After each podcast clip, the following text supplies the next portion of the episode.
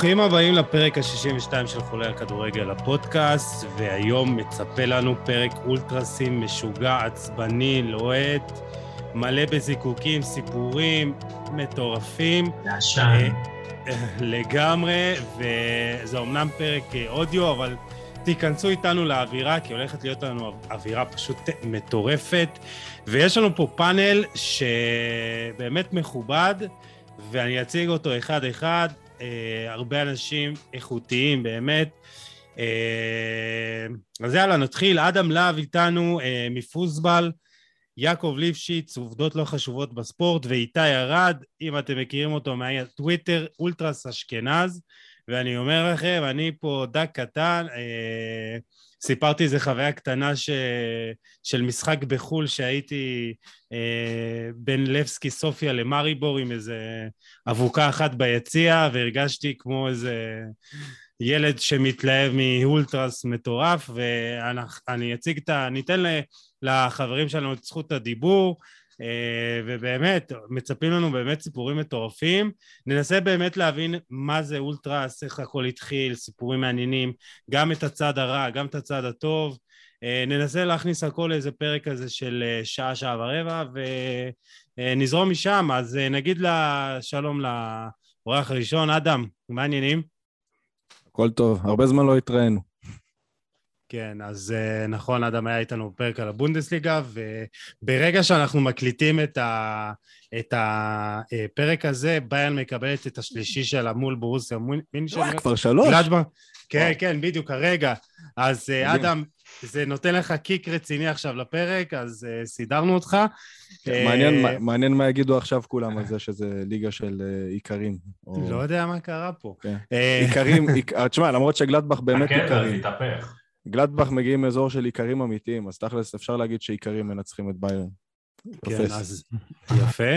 אה, יעקב ליפשיץ, כן, אה, יעקב ליפשיץ, עובדות לחשובות בספורט, אה, התארח אצלי בפרק של מתחת לרדאר, וסוף סוף הוא מתארח בפרק של חולה על כדורגל הפודקאסט, ואת האמת זה כבוד, אז יעקב, תודה רבה שהגעת. כבוד גדול לי להיות פה.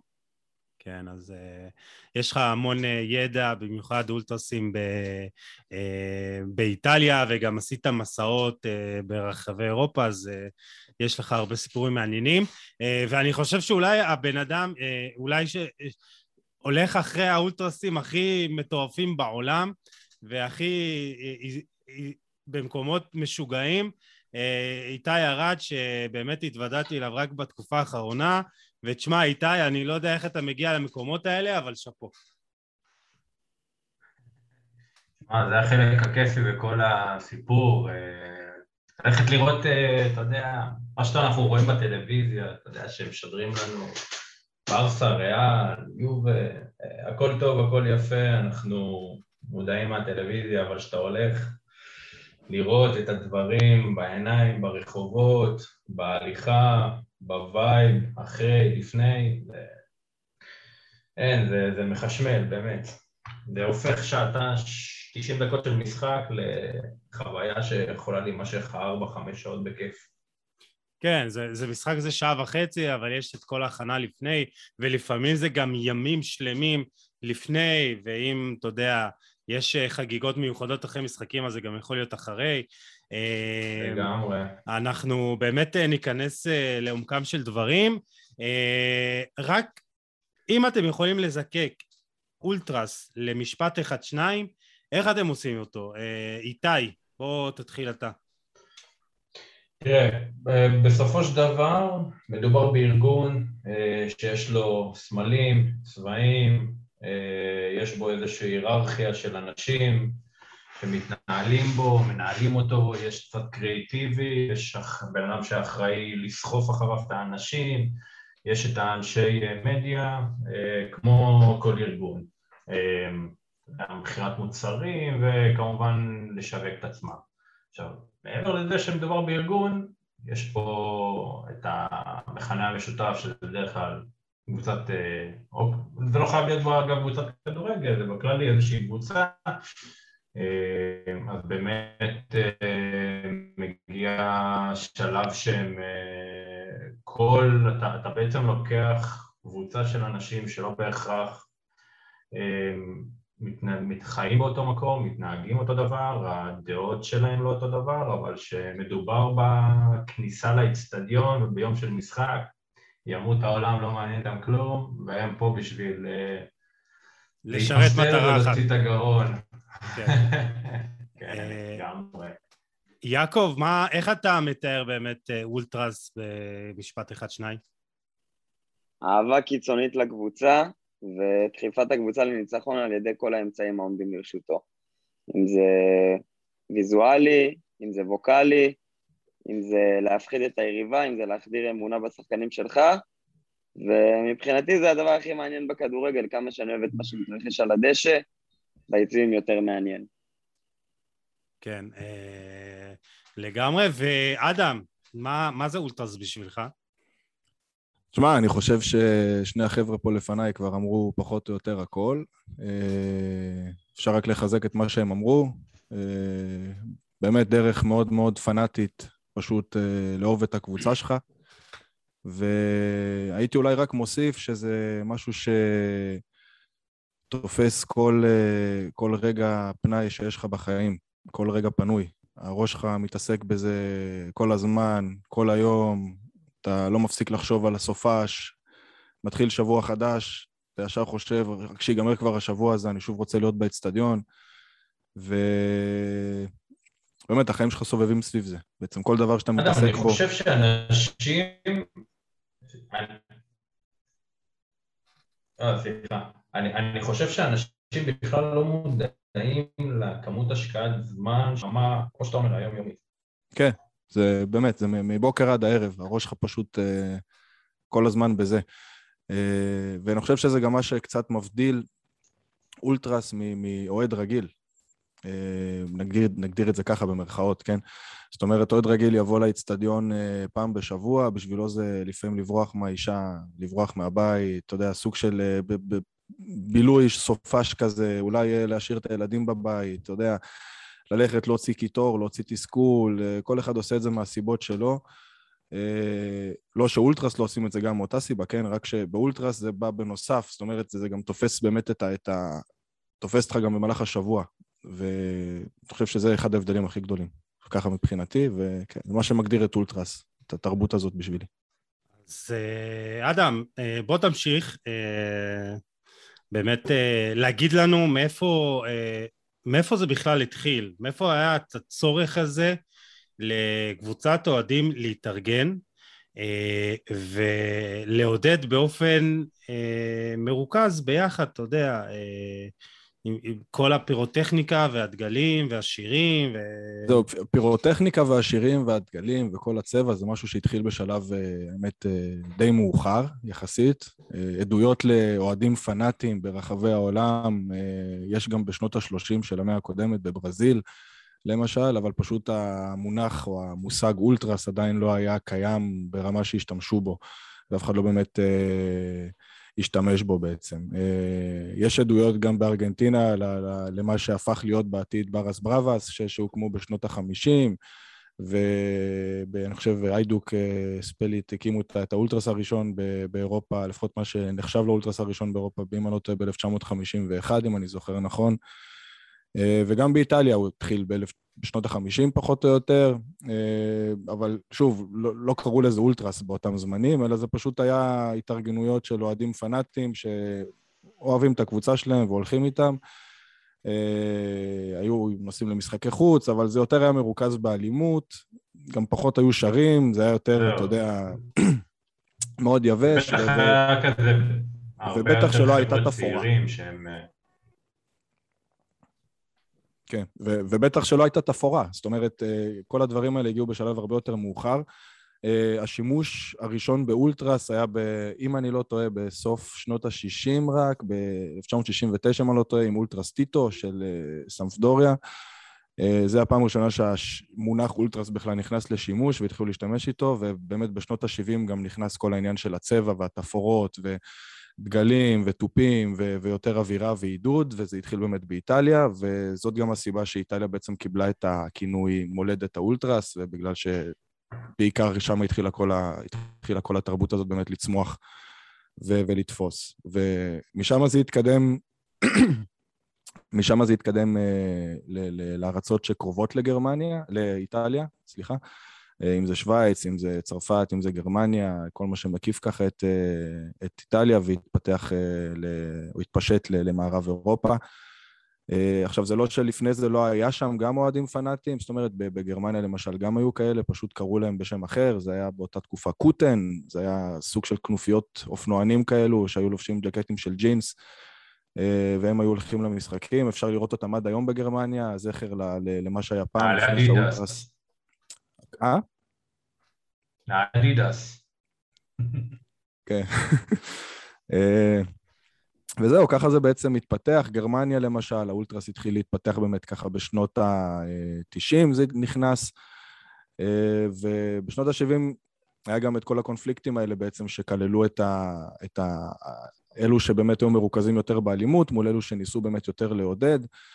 ודוגמה טובה לזה למשל, זה, זה באטלנטה ברגמו באיטליה, שיעקב אה, מאוד מאוד אוהב, גם היה איתם במשחק פעם אחת בדורטמונד, נגד דורטמונד עם אה, אולטרס פרנקפורט. שלושה, שלושה, הוא, הוא אומר שלושה. כן, אפילו יותר, אתה רואה? משחק אחד בדורטמונד, אבל עוד פעמיים אצלם בבית. כן, את דורטמונד זכרתי, אז אתה יודע, מהבחינה הזאת אה, זה. בכל מקרה, שם למשל זה התחיל עם אולטרה אטלנטה קומנדו ב-1972, וזה ארגון שלמשל לא תמך באלימות, אה, אלא אם מדובר בהגנה עצמית, שזה בתכלס כל אולטרס, אין, אין ארגון שלא יפעל באלימות אם אין לו ברירה. אה, ב-1976 אה, הוקם בריקת הנרו אזורה, והוא היה טיפה יותר מיליטנטי, וטיפה יותר דחף לאלימות, ובסוף זה הוביל לזה שהקומנדו למשל התפרקו ב-1982, זאת אומרת, הם לא היו קיימים הרבה זמן. אה, אבל ב-1983 הוקם שם למשל ביציעים הוואלד אה, כאוס, שהם היו ארגון שממש הקדיש את כל כולו לאלימות, ושם גם התחילו קרבות אה, על, על השליטה ביציע, באטלנטה ברגמו, וזה הגיע לשיא בתחילת שנות ה-90, היה שם קרב רחוב ענקי שבסוף המשטרה הצליחה למנוע, ואיכשהו בסוף הגיע למצב שנוצרה שם קואליציה של אוהדים משפיעים, שהקימה בעצם את מה שהכרנו מה שהכרנו באמת עד הקיץ האחרון בתור אולטרס ברגמו. שהתפרקו, חלק גם לא מעודכנים בזה, אז אה, זה גם זמן טוב להזכיר את זה שבאמת אחרי כל התקופה הזאת הם התפרקו. אה, וזה למשל עוד עדויות למה שהיה פעם בשנות ה-70 ושנות ה-80 באיטליה ואיך זה התפתח להיות אה, מה שזה בעצם היום. אפשר גם אבל להוסיף בתור הערה קטנה אולי בסוגריים את זה שבאמת באיטליה גם מתמודדים עם, ה... עם הרדיפה הכי קשה של הרשויות והמשטרה, אה, באמת נלחמים שם באוהדים ברמות שקשה לתאר, אה, אבל נפרט על זה בהמשך. טוב, אז אם אה, כבר התחלנו עם איטליה והזכרת אטלנטה, ברגמו, סמדוריה, אז ניתן את הכבוד למומחה לכדורגל איטלקי ואוהדים איטלקיים. יעקב, מה באמת מייחד את האולטרס באיטליה? אני חושב שהפנאטיות באיטליה היא הכי דומה באירופה למה שהולך בארגנטינה. זה לא סתם שהשורשים של אה, בונוס איירס רובם מגנואה, אה, שזה גם עיר עם דרבי מטורף. אני חושב שאם אתה מצרף לזה גם את ה... הקצב האיטלקי לעומת הקצב הגרמני, הכמיהה והאהבה לעיר שלך ולקבוצה שלך, ולכל ההיסטוריה, זה, זה מה שממתג את איטליה כ... כמקום שווה ביקור בטיול אולטרסים. אה, הלוואי, הלוואי. אה, את האמת, המשחק השני שהייתי בחו"ל זה היה אינטר אודינזה, אבל אני לא זוכר שם איזה משהו מטורף בסנסירו, אה, אבל צריך לעשות איזה משהו מאורגן, בוא נקים איזה חברת אחרי האולטרסים השווים בעולם, זה נראה לי... אה, אה, אחלה אקזיט.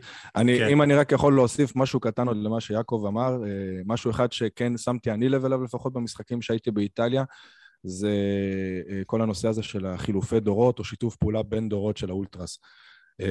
וזה משהו שבאיטליה הוא באמת לדעתי די ייחודי, כי אתה תראה שם באמת זקנים עם מבוגרים רגילים במרכאות, אנשים בני 20, 30 עד 40 אפילו, וגם נערים וילדים, וכולם באותו יציע, קופצים, שרים, מעודדים, חלק מהקהילה.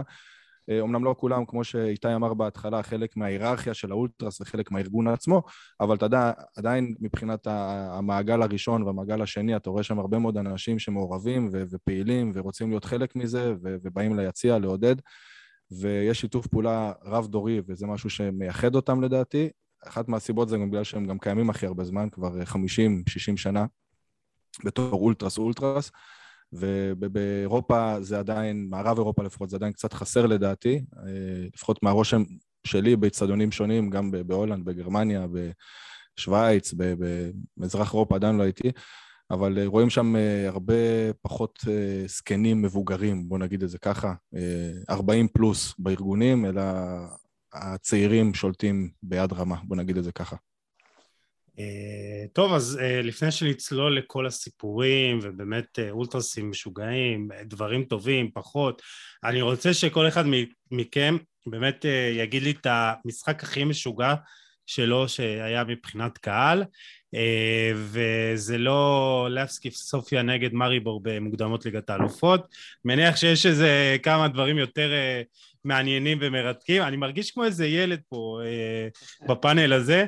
אז אה, איתי, בוא תתחיל אתה, תגיד לי, מה, מה באמת המשחק הכי משוגע שלך מבחינת קהל אה, שהיית בו, ולמה זה כל כך משוגע? למה תזכור את זה כל החיים שלך? שמע, היה... קודם כל יש... אה, כל, כל אה, ארגון ומשחק יש לו את הקסם שלו, אם זה כשהיציע נראה, תהלוכה, תפאורה, אבל הייתי באמת לפני אה, עשר שנים ברוסריו. אה, רוסריו יש שתי קבוצות, רוסריו סנטרל וניואל סולט בויז. אני הייתי במשחק של הניואל סולט בויז. קבוצה של אה, מסי, חשוב להדגיש. נכון, כן, זה ה... אתה יודע, אתה מסתובב שם, כל דבר אומרים לך, אה, פה הוא גדל, פה הוא הסתובב, אתה יודע, כל מיני שטויות כאלה של תיירים. אמ, זה אבל... נכון שהוא גדל ברחוב ירושלים או רחוב ארץ ישראל או משהו כזה? אה, לא יודע. תשמע, הוא עזב שם כבר בגיל 14, כאילו, זה משהו כזה, זה ממש מוקדם. אה, אתה יודע, אמרו לי שם, היה לי שם קטע שהייתי באיזה מועדון, ואומרים לי, אה, זה היה המועדון שמסי היה יוצא אליו. עכשיו, בחייאת, הוא כאילו עזב את ארגנטינה לפני גיל 18, מה אפשר לחרטט? אז אני, היה, שם קטע ב... קודם כל לא, לא, לא מדובר, מדובר באיצטדיון של איזה 30 אלף איש, כמובן, פנאטים, הלכתי איתם אה, לבר, שתיתי שם עם הומלסים, יש שם קטע שהם מחלקים את הבירות, אה, קודם כל הבירות שם בדרום אמריקה זה ליטר, כאילו אין שם כמו בארץ אה, שליש ושטויות כאלה, ואתה פשוט קונה בקבוקי ליטר ואתה פשוט מעביר את זה במעגלים, בחברה ענקית, הומלסים, נרקומנים, הכל הולך, כאילו... עכשיו, עכשיו אני מבין למה הם אה, שם בקורונה חטפו את זה אולי הכי קשה בעולם, כאילו אין... אה, לגמרי, לגמרי, כן. הם פשוט משתפים את הכל, מן הסתם שרים, וזה סבבה, זה, זה אנחנו מכירים. מה שקורה שם זה ש... אנחנו מכירים את האצטדיונים שם, שהגדרות שם הם כאילו מגיעים, לא יודע, 20-30 מטר כאילו גדר. עכשיו, בקצה של הגדר יש לך חוטי תיל, כמו בכלא. ואתה אשכרה רואה אנשים ביציע, במשחק הזה ישבתי ביציע של האולטרס במקרה הזה, אמ, ובתוך היציע כולם שותים. פופולר בעגה המקומית. אה? יציע פופולר בארגנטינה זה נקרא ככה. אוקיי, נכון. אז אה, היה שם בסוף האווירה בפנים, הם כולם שותים, מעשנים, אתה יודע, מסניפים את הדברים הכי כאילו רעים שאתה יכול לראות, ואז אתה רואה אותם מתחילים לטפס על הגדרות, והם, אחי, הם מטפסים, הם מגיעים לאיזה 20 מטר גובה, יחפים, הם שמים את ה... הם, הם, הם כולם הולכים עם, עם הכפכפים, הם זורקים את הכפכפים למטה, והם פשוט עומדים על הגדר תיל, תופסים אותו עם הידיים, ושרים כל המשחק, ואתה אומר כאילו, בן אדם, אתה לא תצא מפה בחיים, תמשיך בקצב הזה. אתה כאילו, אתה, אתה מסתכל על זה, אתה אומר, בואנה, זה, זה כאילו... אה, לאיזה רמה? אתה, אתה מוכן לפצוע את עצמך? אתה מוכן אה, להגיע למצב שאתה אה, אה, אה, מסכן את עצמך רק בגלל הרגש הזה והטירוף הזה שאתה לא יודע כאילו איך להוציא אותו. אז זה באמת היה לי בארגנטינה. אני יכול לספר לך שמה שקורה שם אחרי המשחק זה גם הזיה לא נורמלית, מגיעים פשוט מלא אוטובוסים מחוץ לאיצטדיון, הכל פתוח, הדלתות, חלונות, כאילו, ואתה רואה כזה גופות נזרקות בפנים, כולם מסיעים אותם למרכז העיר וכל מיני דברים כאלה. וואו, זה היה כאילו הזיה ומדהים כאילו כמה שהם, כמה שהם קיצוניים יכולים להיות. רגע, ראית מה זה עשית חשק גם ליעקב לבירה? נראה לי אני גם הולך להביא, מה זה זה? פה אנחנו מדברים על... אה, זה, זה עושה חשק, זה עושה חשק ככה להיכנס לאווירה. אה, יעקב, אה, אתה עשית באמת מסעות, טיילת המון באירופה, אם אני לא טועה, פעם אחרונה שדיברנו. אני מניח שיצא לך להיות באין ספור משחקים, אבל באמת, מה זה המשחק הכי, הכי גדול שלך שאתה תזכור מבחינת קהל? זה יכול להיות, אתה יודע, חוויות, דברים כאלה. אז אני אגיד לך, עם, עם כל הכבוד לאירופה, בסוף שתי המשחקים הכי גדולים שהייתי בהם זה באמת בארגנטינה, זה רוסריו סנטרל אה, אירחו את ריבר פלייט אחרי שהם לא הפסידו דרבי חוץ, היה שם קבלת פנים פסיכית. הייתי גם בדרבי של סן לורנצו נגד אוראקן, באיצטדיון של סן לורנצו, שזה איצטדיון שחלמתי בצבא כל לילה, הייתי רואה סרטון שלהם, אבל uh, בגלל שאנחנו עוסקים באולטרס וזה יותר אירופה, לא, לא, לא בהכרח, אתה יודע, נגיד אה, איתי אה, עוקב אחרי אולטרסים באתיופיה, או לא יודע איפה שזה היה פעם. אין ספק שיש אולטרסים טובים בכל העולם, יש אה, כמובן בארגנטינה, יש במלזיה אולטרסים מטורפים, בלי, גם הנבחרת הלאומית, יש מרוקו, יש מצרים, יש המון מקומות עם אולטרסים מעניינים, אבל אני באמת אתרכז באירופה. אני כזה אתן טופ שלוש, אני לא אתן סקירה על, על שלושתם רק על הכי טוב, אבל הייתי באייק שאירחו את איינדהובן, וזו הייתה חוויה שאני לא אשכח, אני משקלל גם את הלחנים, גם את האווירה, גם את הכל, זה באמת היה חוויה. Uh, הייתי בכמה משחקים בליגות נמוכות, אם זה דרבי של רימיני נגד צ'זנה, בגביע קייזרסלאוטרן אירחו את שטוטגרט, היה חגיגה, אבל uh, המשחק באמת הכי זכור לי מאירופה, ישבתי בדורטמונד בעצם, נגד דורטמונד, עם אטלנטה. אה, אמרתי לאדם כמה פעמים, כשאתה מגיע ואתה רואה את הקיר הצהוב הזה מולך, אתה מבין שאם אתה לא תיתן היום 500 אחוז, אין לך סיכוי מולם. ולאולטרס אטלנטה היה כאילו קשרי ידידות עם אה, אולטרס פרנקפורט, שהם לכל הדעות האולטרס הכי טוב במערב אירופה, תקן אותי אם אני טועה אדם, אה, והם הגיעו שם חיזוקית של איזה 70-80 חבר'ה מאולטרס פרנקפורט, יחד עם אולטרס ברגמו, שהם מטורפים, והיה אווירה, נגמר אמנם שלוש שתיים לדורטמונד, אבל גם היה משחק, ובאמת, אני לא אשכח את זה הרבה זמן. זה... בחוץ הם כבר עודדו בתור לפני הגלגלת האלקטרונית, הם קיבלו את הצד של היציע והם קנו גם מהיציע ליד, אני גם הייתי, והם אשכרה חטפו שם את הגדר כדי להכניס את החברים מפרנקפורט, ואני גם הסתננתי על הדרך, וזה היה חוויה... יש באמת את הקטע הזה, דיברת על ההתפלחויות לאצטדיונים, כאילו האצטדיונים, בוא נגיד שהיציעים של האולטרס תמיד מכילים הרבה יותר ממה שהם אמורים להכיל. אני, אתה רואה את זה בעיניים, הם מטפסים לך על קומות, חותכים דברים, רק כדי להכניס אנשים, זה... מה הם לא יעשו? רק בארגנטינה, ברס בראבס אה, שולטים שם על הכניסות, הם... אה, מה שהם עושים, פשוט משחדים אה, סדרנים בכניסה, הוא פותח את הגלגלת, ואנשים פשוט נכנסים על אוטומט, כאילו, בלי שבכלל סופרים מי נכנס. והכי מצחיק ש... מה שהם עושים כדי שאתה תיכנס ככה בתור אוהד, זה שהם מוכרים לך את הכרטיס באיזה כמה מאות פזוס בחוץ, ופשוט מכניסים אותך בלי כרטיס בחינם. כאילו, זה, זה הדרך שלהם להכניס אותך ולמכור לך כרטיס. נכנסתי לסכנין פעם ככה. כן. קורה לא מעט. אה, אה, אני רק יכול להתחבר למה שיעקב אמר. אה, הייתי במשחק שהוא מדבר עליו, נגד אטלנטה. מהצד השני. אני הרבה בדורטמונד, עקב היותי מנוי, אז באמת יוצא לי להיות שם די הרבה. אם להיות מדויק, אז אני אוטוטו חוגג את הביקור המאה שלי באצטדיון שם. nice. כן.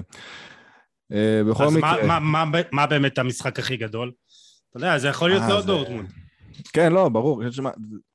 קודם כל, היה לי באמת הרבה מאוד משחקים עם דורטמונד שאני יכול לשים אותם במקום של טופ שלוש. אה, באמת, מבחינת אווירה, מבחינת uh, קהל, מבחינת... Uh, אבל זה גם תלוי איך אתה רוצה למדוד את זה. אתה רוצה למדוד את זה יותר עם פירוטכניקה, אתה רוצה למדוד את זה יותר עם שירים ו- ואווירה, ו- וכמה הקהל היה ער, ו- וכמה הוא דחף את הקבוצה. אתה יכול למדוד את זה מבחינת החשיבות של המשחק, ואתה יודע, יש הרבה פרמטרים שאתה יכול להכניס פה למשוואה. Uh, המשחק הכי הכי גדול שיצא לי כרגע להיות מבחינת חשיבות גם כן, ו- ועידוד, וכמה טירוף היה בקהל, זה החצי גמר של uh, ליגת אלופות בין דורטמונד לריאל. Uh, הרביעייה של לבנדובסקי, 4-1. זה. היה טירוף ברמות באמת ש- שקשה לי להסביר במילים. האצטדיון היה מפוצץ כבר משהו כמו שלוש שעות לפני המשחק, ולא לא היית יכול כבר להכניס סערה. ו- ובאמת, כל האצטדיון עמד 90 דקות, היה שם עידוד מפגר, הייתה גם הצגה של דורטמון על הדשא, אז בכלל היה שם טירוף מוחלט. אה, אבל אני גם מאוד מאוד נהנה במשחקי חוץ. אה, בגרמניה יש סוג של אה, מנהג כזה, למשל, שפירוטכניקה זה פחות משחק בית, אלא יותר במשחקי חוץ, כדי לא לקנוס את המועדון שאתה אוהד, כי קנסות בסופו של דבר הם למועדון שמארח. גם בארץ, אגב. כן, אז, אז הפירוטכניקה היא יותר במשחקי חוץ, ו... ו... תשמע, יצא לי להיות כ... עם דורטמונד. אז ככל שאתה שונא את המועדון יותר, אז אתה נותן יותר שואו, אה, כאילו? יותר פירו, פחות או יותר, כן, כי גם, גרמניה זה גם עובד בצורה כזאת שסופרים את הכמות שנדלקה ואתה מקבל פר אבוקה, או פר רימון עשן את הקנס. אז ככל שהדלקת יותר, ככה המועדון השני סופג יותר. אה, בכל מקרה, היה לי שם באמת משחקים פסיכיים שיצא לי להיות, אם זה דורטמונד אה, באוניון, נגד אוניון ברלין, שזה בלי קשר איצטדיון מרגש, ו- ודורטמונד בלברקוזן עם מופעי פירו, וגם בגלדבך היה לא פעם ולא פעמיים, ויעקב הזכיר מקודם את אמסטרדם, את הארנה, אז אה, ממש עכשיו לפני שבוע וחצי הייתי שם גם כן עם דורטמונד בהפסד חוץ, ב-3-0, ב-4-0, אה, המביש. בכל מקרה, הייתה שם גם אווירה פסיכית, כאילו, מבחינת העידוד של דורטמונד, זה גם היה בשביל דורטמונד למשל, uh, המשחק הראשון עם אולטרס ועם עידוד ועם אווירה, uh, עם עידוד מאורגן, אחרי, uh, מאז שהתחילה הקורונה בעצם, זאת אומרת, כמעט שנתיים, שנה וחצי קצת יותר, בלי עידוד מאורגן, והאולטרס בעצם חזרו למשחק הזה בפעם הראשונה מאז, אז הייתה גם אופוריה סביב המשחק הזה. היה קשה מאוד להשיג כרטיסים, הצלחתי עדיין לשים יד על שתי כרטיסים, דרך המועדון אוהדים שלנו, ו... ווואלה, היה יום מטורף, כאילו מבוקר עד הערב, התאספו כבר מלא אוהדי דורטמונד יום לפני, מ-11-12 בבוקר והיית אה, אוהדי דורטמונד בפאבים באמסטרדם, אני הגעתי אה, גם באזור 1-2 בצהריים, ארוחת צהריים, אחרי זה הייתה, כולם, כל האוהדים נפגשו בדם. אה, המשחק פחות הלך לכם. כן. במשחק כן, עצמו... אבל אה, תשמע, היה, היה טירוף ביציעים, באמת. כאילו, עד, עד אה, שדורטמונד ספגד הרביעי, אה, הקהל לא הפסיק לעודד כל המשחק. היה באמת אווירה מטורפת ביציעים, וגם הרבה מאוד פירוטכניקה משתי הצדדים, שגם פה זה עונה בעצם על אחד הקריטריונים, בוא נגיד ככה, מופע זיקוקים פסיכי של, של אייקס. ואני גם אוריד את הכובע, אייקס עודדו במשחק הזה בצורה מטורפת, באמת, היה רגעים שכל האצטדיון קפץ. יעקב פועד, שלחתי לו יומיים אחרי המשחק אה, הודעה בוואטסאפ. תשמע, היה קטע אחרי 4-0, אייקס קפצו באצטדיון, באמת כל האצטדיון קפץ, ואפילו היציע שלנו רעד מרוב שכל הקהל שלהם קפץ. כאילו, ממש ברמה כזאת, פשוט הרגשת את האצטדיון רועד, כי כל האצטדיון קפץ. וזה היה באמת uh, תמונות uh, שבתור אוהד כדורגל מאוד נהניתי לראות, בתור אוהד דורטמונד קצת פחות, כי חטפנו שם רביעייה, אבל uh, היה טירוף. אה, אדם, אני חייב לספר לך, תסיים, אני חייב לספר לך סיפור, כי הייתי גם משחק של דורטמונד, תסיים, אני אספר לך. לסיים זה רק להגיד שלבחור משחק אחד יהיה לי מאוד מאוד קשה. הבנתי. אה, וכל משחק מביא איתו את החוויות שלו ואת הרגעים המיוחדים שלו. והכי חשוב, זה לא רק המשחק עצמו, אלא זה גם מה שקורה לפניו, ולפעמים גם מה שקורה אחריו. אז, אז לפני איתי שכן, תספר את הסיפור. חשוב לי להבין אה, משהו שלא הבנתי אותו לגבי יציאה עמידה בגרמניה, אדם. אה, למה זה עדיין קיים בגרמניה, ואני חושב אולי זה... קודם כל אני אחדש לך, אה, אישרו את זה עכשיו גם באנגליה, ויציאה okay. עמידה הולכים לחזור לפרמייר ליג גם, קוראים לזה יציאה עמידה בטוחים. ואם אני לא טועה, יונייטד כבר מכרה השנה, מנצ'סטר יונייטד, מכרה השנה כבר מנויים גם כן ליציאה מידה כזה. צריך לבדוק את זה עוד ולוודא את זה, אבל אם אני לא טועה, קראתי על זה שהם כבר התחילו למכור לזה, או שהם מתכוונים למכור לזה. בכל מקרה, אישרו את זה באנגליה, ומועדונים יכולים לבחור בעצמם אם רוצים להתקין יציאי אה, עמידה בטוחים. עכשיו, יציאי עמידה בטוחים זאת אומרת שכל שורה בעצם יש לך אה, אה, מעקה ברזל, טיפה יותר גבוה, לפני הכיסא, כדי למנוע מפולת של אנשים, ודחף יותר מדי גדול, ובכל שורה בעצם נכנסים שתי שורות של האנשים. זה בעצם גרם מדרגות ענקי. עכשיו, בגרמניה, היציאה עמידה הם אה, לא בנויים בצורה כזאת, בטוחה, יש אצטדיונים שכן, יש אצטדיונים שלא, אבל ברוב האצטדיונים אה, יש מה שנקרא שוברי גלים, שזה בעצם אה, מעקה ברזל שבנוי כל שלוש, ארבע, חמש שורות, ועליו אפשר להישען, אבל ברגע שאתה עומד אתה לא רואה אותו בעצם, וזה בעצם נותן לך את האפקט, כשאתה מסתכל מהטלוויזיה, שיש לך פשוט פקעת ענקית של אנשים שעומדת שם, ואתה מתפלא איך הם לא מתהפכים שם אחד על השני ואיך אף אחד לא מת. אה, אז מהבחינה הזאת יש פה את השוברי גלים האלה. דרך אגב, אם אנחנו מסתכלים על זה מבחינת הארץ, אם היו שוברי גלים כאלה, למשל בקריית אליעזר, אז המקרה שקרה עם אמירנד, למשל, היה נמנע.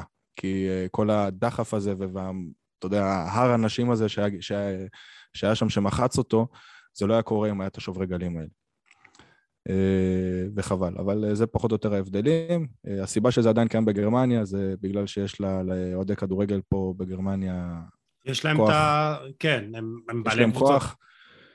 היו כבר דיבורים על לבטל את זה, אבל uh, יש לזה שתי משמעויות. קודם כל, מחירי כרטיסים מאוד מאוד נמוכים. ליציע עמידה אתה מקבל uh, כרטיסים במחירים מאוד מאוד נמוכים, שזה אספקט אחד של הדברים, למה לא מבטלים את זה.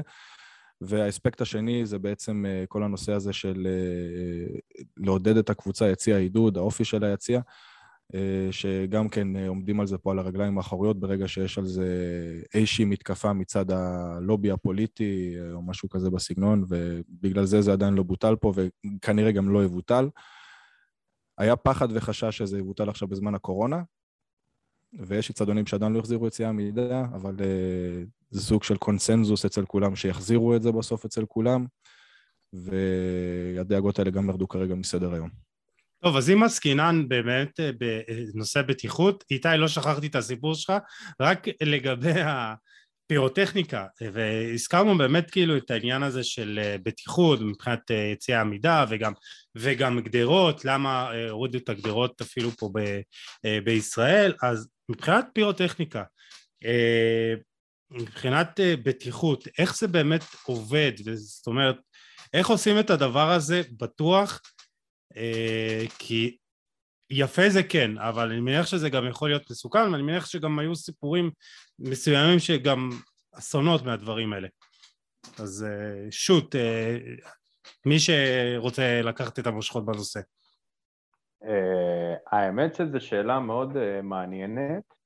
אני גם לפעמים כאילו חושב על זה שכי יש לך יציאים שהגג ממש מכסה את היציע ואז פשוט נהיה לך ענן עשן שלא מתפזר, אבל אה, מה שקורה בעצם זה שאני מעריך שהמסכות וכל הסטייל הזה של לכסות את האף והדברים האלה, זה משהו שאיכשהו עוזר להם כאילו להצליח לנשום בתוך כל העננת עשן הזאת, אה, אבל גם אתה יודע, יש גם סוגים אה, של, אה, גם סוגים של אה, פירוטכניקה, אתה יודע, כאלה שיותר עושים עשן, כאלה שעושים יותר צבע ומתאדים, אז זה, האמת שזו שאלה טובה, אין לי...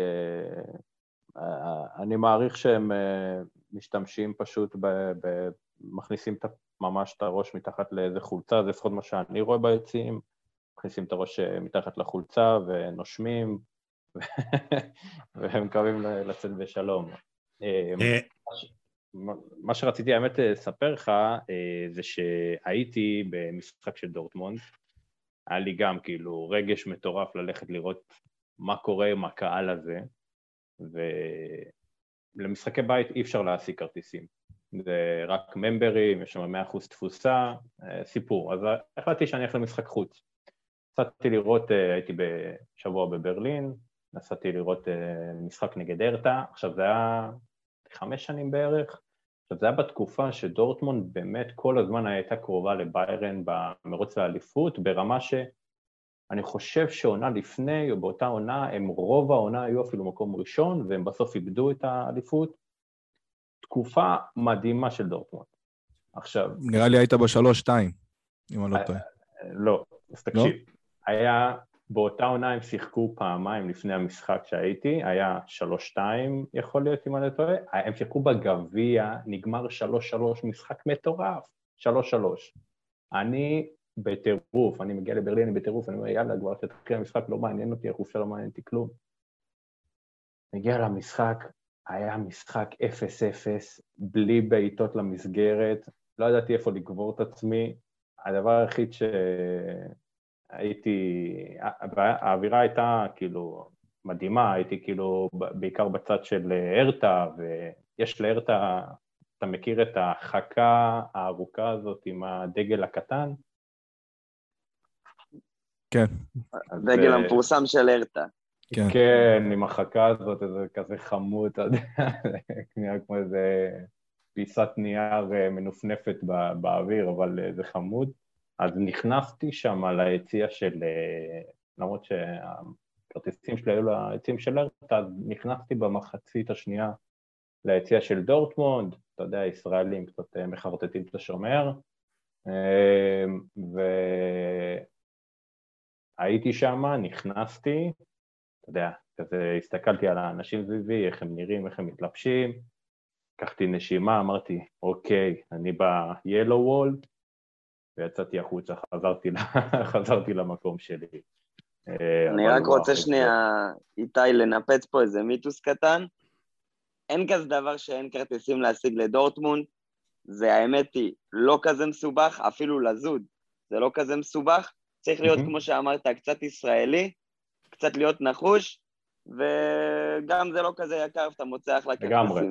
חברים ששומעים אותנו עכשיו, לכם, כן, כן, כרגע אני אספר רק... לכם סוד, זה גם ככה די פשוט בגלל הקורונה, ובמשחק הבית האחרון של דורטמונד היו אה, יותר מ-50 אלף מקומות, לא, כמעט 50 אלף מקומות ריקים, אז... אה, טוב, אנחנו מדברים על התקופה שהם היו בשיא. כן, כן, לא, לא, ברור, ברור, זה תקופות אחרות. בכל מקרה, יוסי, אני רוצה עוד כן. לענות לך על השאלה של קודם, של הפירו, וזה משהו שאני חושב שצריך לדבר עליו, גם בארץ יותר, וזה איך הקהלים מתפעלים פירו ואיך הם אה, בעצם אה, מדליקים אותו.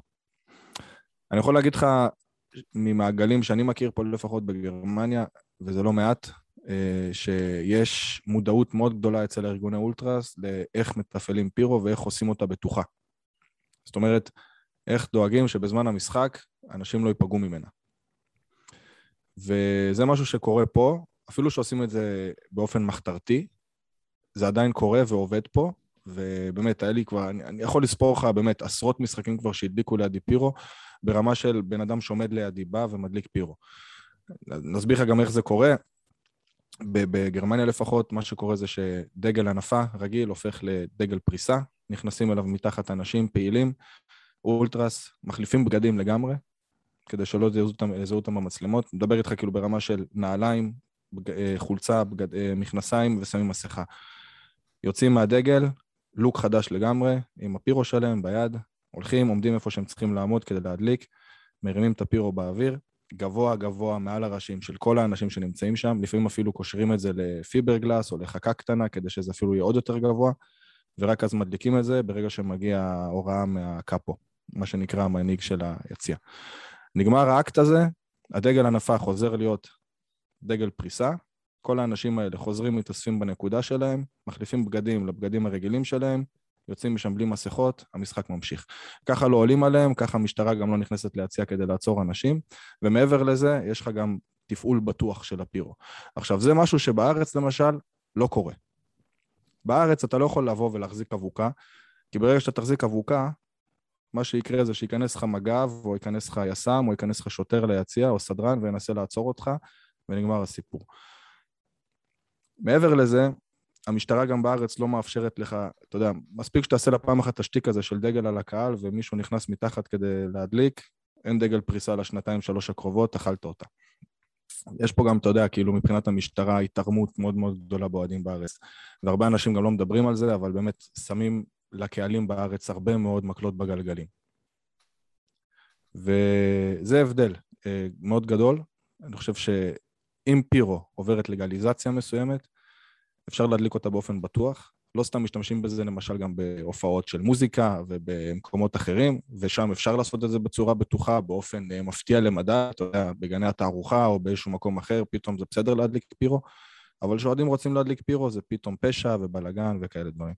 אז זה משהו שחייב אה, לדבר עליו גם כן. פירו אפשר, אפשר לעשות את זה, אפשר, אפשר, אפשר לעשות את זה, זה משהו שאפשר בטח. לעשות... אה, עובדה שזה עובד באירופה. יש מספרים שאפשר לגבות אותם, סטטיסטיקה כאילו שקיימת. מספר הנפגעים מפירוטכניקה, ברגע שמפעילים אותה באופן בטוח, ניקח לצורך העניין את גרמניה, הוא נמוך יותר מפגיעה של אלימות אוהדים לצורך העניין, או אלימות משטרתית לצורך העניין. זה בגרמניה. אדם, זה... הקטע של החלפת בגדים, וזה, זה, יש לזה מושג אולטרס עולמי שנקרא No Face No Name, אה, שבעצם אה, כדי שלא יתפסו את אותם אנשים מהאולטרס. כן, כן, ברור. כן, כן, אני מסביר את ה... אה, זה. אז No Face No Name זה מושג כלל עולמי ידוע. אז בואו נצלול קצת לסיפורים. קצת על הצדדים האפלים של האולטרסים, אמרנו מגניב, יש קהל, יש אה, פירוטכניקה, יש אווירה, יש קצת בירות, אה, דברים אחרים. אה, יש גם צד פחות טוב, ודיברתם על זה קצת בהתחלה, מבחינת קטטות המוניות ועוד דברים אחרים. יעקב, אה, בוא, בוא תספר לנו באמת על אה, מקרים שאתה זוכר, באמת אה, ששווה לציין אותם מבחינת, אתה יודע, קטטות או דברים חמורים יותר? העניין עם קטטות הוא כזה, יש בפירמות מובילות באירופה, אז יש את הקהל מתחלק בעצם, הפנאטים, יש את האולטרס ויש את החוליגנים. שהאולטרס אחראי על כל מה שדיברנו פה בעצם, על האווירה, על הדגלים, על הפירוטכניקה, ויש חוליגנים, אה, זה בעיקר במזרח אירופה, אבל גם עכשיו גרמניה חזק בסצנה, אני יודע שאיינטראך פרנקפורט זה הבריגדה נסונו, לא אדם שהם בעצם היחידים ממערב אירופה ש... שאשכרה יוצאים בקרבות מול מזרח אירופה, באים קרב מאורגן, עשרה מול עשרה, עם כזה דבר אני לא חושב שזה מפריע למישהו, כי מי שרוצה ללכת מכות הולך מכות, הבעיה שזה מגיע לאוהדים אה, נורמטיביים שבתווך. אה, אדם סיפר פה לפני הפרק על אה, אוהד קטניה שנשפט על לא עוול בכפו, אבל צריך להזכיר שבאחד הדרבים האלה בין קטניה לפלרמו, אם אני לא טועה, ב-2003 נרצח שוטר לפני המשחק. זה המקרה, אחי. אוהדים. זה לא לפני, זה אחרי המשחק. ואנטונינו שפציאלה, שדיברתי עליו, הוא הורשע ברצח הזה, של השוטר הזה, בלי שהוא בעצם עשה שום דבר, וזה העניין, כאילו היו פה, היו הוכחות כאילו ברמה חותכת שהוא לא עשה את זה. אבל רמת האלימות באיטליה הגיעה לרמה כזאת, שאתה יודע, לשיא מטורף, וגם כל הלילה שידרו מהאיצטדיון. קטניה גם אה, אסרו עליהם לארח משחקים, ובעצם חיפשו סוג של שעיר לעזאזל, ואנטונינו שפיציאלי בעצם היה השעיר לעזאזל הזה, ופשוט, אתה יודע, סליחה על השפה, אבל הזינו לו את הצורה, הבן אדם ישב בכלא בלי שהוא רצח אף שוטר. היו עדויות חותכות לזה שהשוטר הזה נדרס על ידי רכב משטרתי, זאת אומרת, שוטר דרס את השוטר הזה בטעות, ועדיין אוהד הופלל וישב על זה בכלא ממש עד לפני כמה חודשים, כאילו, הוא השתחרר. האריכו לו גם את העונש אחרי זה, אתה יודע, ובלאגנים, אחי, באמת, שכל האולטרסים באיטליה בעצם, אה, אולטרס ליברי, מי שראה את השלטים האלה, זה בעצם, אה, מאז המקרה נהיה איזשהו קונצנזוס והסכמה בין כל הקהלים גם כאלה שהם יריבים אחד של השני, שכולם במקרה הזה התייצבו מאחוריו. אה, נכון. ובאמת אה, באיטליה יש מודעות מאוד גדולה לכל העניין של עצורים במגרשים, ויש סולידריות מאוד גבוהה איתם מצד הקהלים של שני הקבוצות, זאת אומרת, אם עכשיו מילאן תשחק מול אטלנטה, ששתי הקבוצות שונאות אחת את השנייה, האוהדים, עדיין אם יהיה איזשהו משהו נגד אלימות משטרתית, יש סולידריות של הקהלים. בארץ אני יודע שזה קרה פעם אחת במשחק בין מכבי חיפה להפועל תל אביב, וזה דבר שחבל שלא קורה, כי כל הארגונים, גם אם הם יריבים ביניהם, אם זה אולטרס הפועל מול אה, פנאטיקס ולה פמיליה והקופים וכולם, אה, צריכים להתאחד נגד האלימות המשטרתית, שזה דבר שפוגע בסוף באוהדים. נכון. וכמו שאדם אמר, קל למשטרה להתעמר באוהדים, אפילו ראינו את זה עכשיו בקורונה, ברגע שעלו המספרים, הדבר הראשון שרצו לסגור זה את, ה, את הכדורגל, אף אחד לא חשב לסגור את הקאמרי, אף אחד לא חשב לסגור את ההופעות, אבל דבר ראשון זה הכדורגל, אנחנו פה השעיר לעזאזל, בגלל הסטיגמות שדבקו בנו, חלקן בצדק, חלקן פחות. אה, לא יודע איכשהו, אמרת סיפורים רעים וחזרנו ל... ככה, אתה יודע, לדבר טוב על האולטרס, אבל אה, זה הפרק. לא, לא, תנו לי, תנו לי קצת דם. לא, תשמע, זה... תנו לי קצת דם. לא, אבל נגעת פה, נגעת, נגעת בו, אבל באמת ב, ב, בסיפור שהוא על פניו רע. זאת אומרת, התקשורת מכרה את הסיפור הזה בצורה מאוד מאוד רעה. תעלו את הבן אדם הזה כאילו ברמה כזאת. כמו שאמרת, הסולידריות הזאת בין האולטרס באיטליה זה משהו שבאמת ראוי להערכה, והלוואי ויהיה את זה בארץ יותר, באמת, אני מהראשונים שיהיה לברך את זה. אה, גם, אה, כמו שאמרת, שפציאלי, הקבוצה שהם, האויבים מסינה, הם אלה ש, שבאו ו, וממש חיכו לו ביום שהוא שוחרר מהכלא עם שלט כאילו של... שהיה אה, כתוב עליו איזשהו משהו, ברוך שובך לחיי חופשיות או משהו כזה. דרך אגב, גם באטלנטה ברגמו היה אותו דבר, עם גלימברטי, אלבוטשה, גם המנהיג של אולטרס ברגמו, שגם כן סבל מרדיפה משטרתית, והיריבים הכי גדולים של ברגמו, ברשיה, גם כן אה, כתבו שלטים אה, קלאודיו אה, ליבר אה, או ליברו, אה, מהבחינה הזאת גם כן כאילו שוחרר קלאודיו, שגם כן סבל מאותו רדיפה. עכשיו זה משהו ש, שבאמת, אה, הסולידריות הזאת היא מאוד יפה באיטליה, והסיפורים האלה, תשמע, הרבה מאוד פעמים, וזה מהרבה מאוד משחקים שהייתי, האולטרס מאבדים את זה, או נהיים יותר אלימים, מיליטנטים, הרבה מאוד בגלל ההתנהגות של המשטרה. התנהגות באמת, ובאמת, יצא לי להיות במשחקים שבאמת ראיתי איך האסקלציה הזאת קורית לי מול העיניים, ברמה כזאת שלא, כי אם המשטרה הייתה עכשיו קצת פחות אה, אלימה, תוקפנית, סלאש אה, מחפשת את זה, העימות היה נמנע. לא היה קורה שום דבר. אתה מבין? הרבה מאוד פעמים אני, אני רואה באמת שזה... מדבר על המשחק שארתה ברלין היו אצלכם? כן, זה אולי הדוגמה הכי טובה. גם במשחק הזה, דרך אגב, הייתי. צילמתי את כל מה שקרה, ניסיתי לפחות, מהיציא הדרומי עם, ה, עם הזום של המצלמה.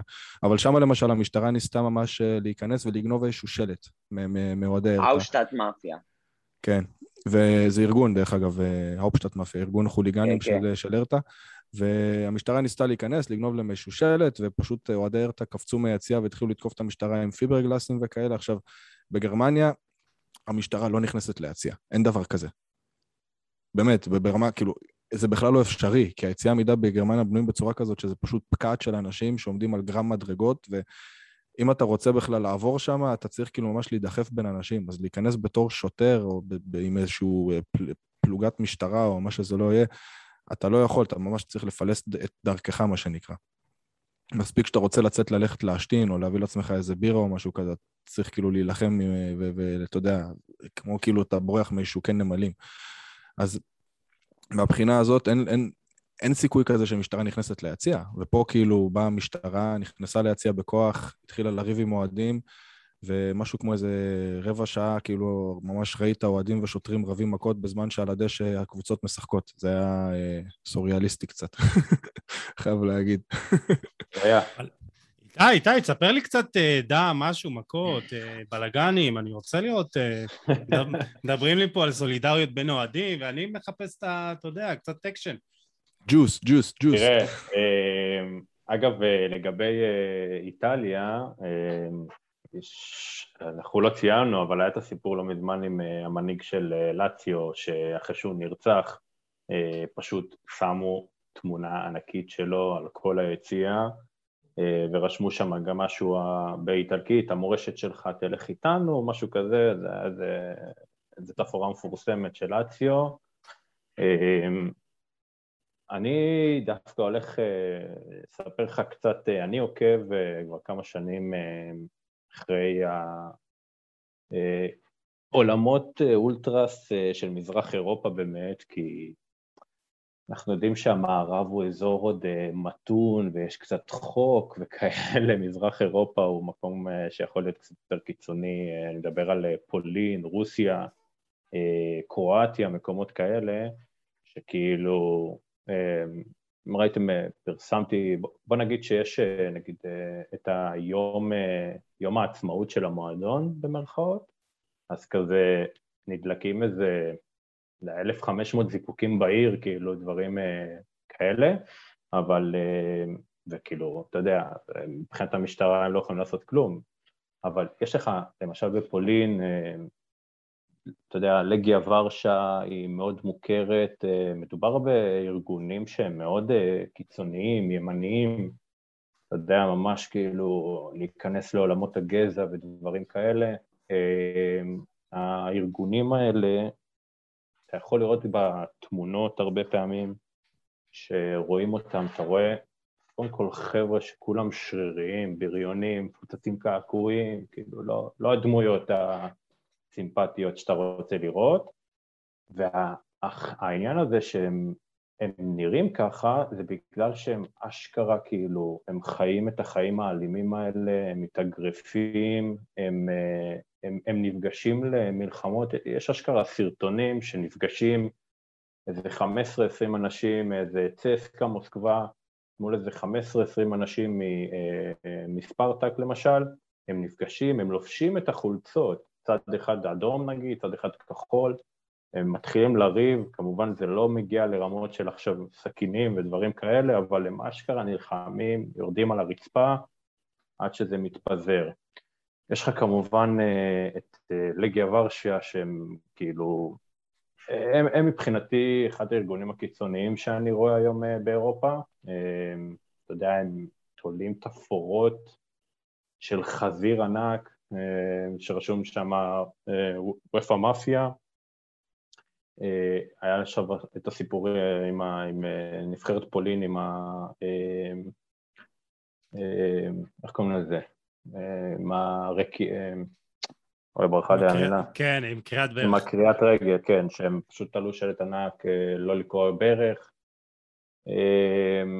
אה, שכל הסיפור של הקריאת ברך זה בכלל אה, קשור לאפרו-אמריקאים באנגליה, משהו כזה, קראתי את הסיפור לגבי זה, אבל שקורה משחק בפולין, ברומניה, בקרואטיה, אתה פשוט רואה, הם, הם עולים לאצטדיון ו, ויש לך שם fucking איזה אלפיים אבוקות נדלקות לך בכל האצטדיון. עכשיו, זה נראה מגניב, אתה יודע, זה כזה עשר שניות זה מהמם, אחרי חצי דקה פתאום אתה קולט, בואנה, כל האצטדיון כאילו בלהבות. אתה כאילו, אתה אומר, יש לך שחקנים שצריכים לשחק כדורגל ו... יש לי, רציתי ממש אה, לעשות אה, ציוץ לא מזמן לנתחו, אה, שאומנם הוא לא איזה גיבור שלי או משהו כזה, אבל נתחו שיחק בקבוצות מדהימות מבחינת תפאורה ועידוד. כן, הוא עבר, זה, הוא עקב אחרי האולטרסים השווים. שמע, לגמרי, אם זה ברוסיה ואם זה ב, עכשיו בפרטיזן, זה, אני בטוח שאם יום יבוא... ופאוק סלוניקי. ביוון, כן, תשמע, זה, אני אומר לך, אני, אני עוקב אחרי הקבוצות האלה, ואתה יודע מה, החלום שלי שיקחו אותו לראיון וידברו איתו רק על הקהל, שלא ידברו איתו על כדורגל, שיפסיקו לדבר איתו על ההמנון ועל כל מיני דברים כאלה. אני בטוח שלבן אדם הזה יש סיפורים אה, מבחינת הקהלים שנמצאים שם. אה, אז אה, באמת, בפולין, אה, היה גם קטע עכשיו באולימפיאדה, שאחד המתאגרפים, ב... לא זוכר אפילו באיזה אה, ענף זה היה, אבל הוא היה פשוט עם, אה, על החזה, היה לו קעקוע ענק של אה, אחת מהקבוצות הפולניות. אני עוקב אחרי כמה עמודים של האולטרס הפולני, זה באמת כאילו, זה ברמה יומיומית של פעילויות חוליגניות, פעילויות קריאטיביות גם, אתה יודע, הם, הם בונים לך גרפיטי עצום על קירות ענקיים ועל קשרים, אה, ובאמת, זה כאילו... אני מעריך שיום יבוא ואני גם אלך לבקר שם, אבל זה בוא נגיד מסוג המקומות שאני אתנהג די בזהירות שאני אסתובב שם. תעשה ביטוח מקיף כאילו על הכל, אני מציע. נראה לי זה... אני לא יודע, אני צריך לבחור את זה. אגב, כל פעם שאני נוסע למשחק בחו"ל זה כאילו אשכרה חשיבה, אני אומר לעצמי איזה חולצה אני צריך ללבוש, גם כדי לא להיראות עכשיו איזשהו אה, תייר מושפע, וגם כדי שאני לא אמצא את עצמי באיזה סמטה עם איזה כמה נפוליטנים כמו שהיה לי בנפולי. אה, אגב, נפולי, אתה יודעים שיובה, הייתי במשחק נפולי שיובה, ואוהדים של יובה יושבים בכלוב, סבבה? כלוב.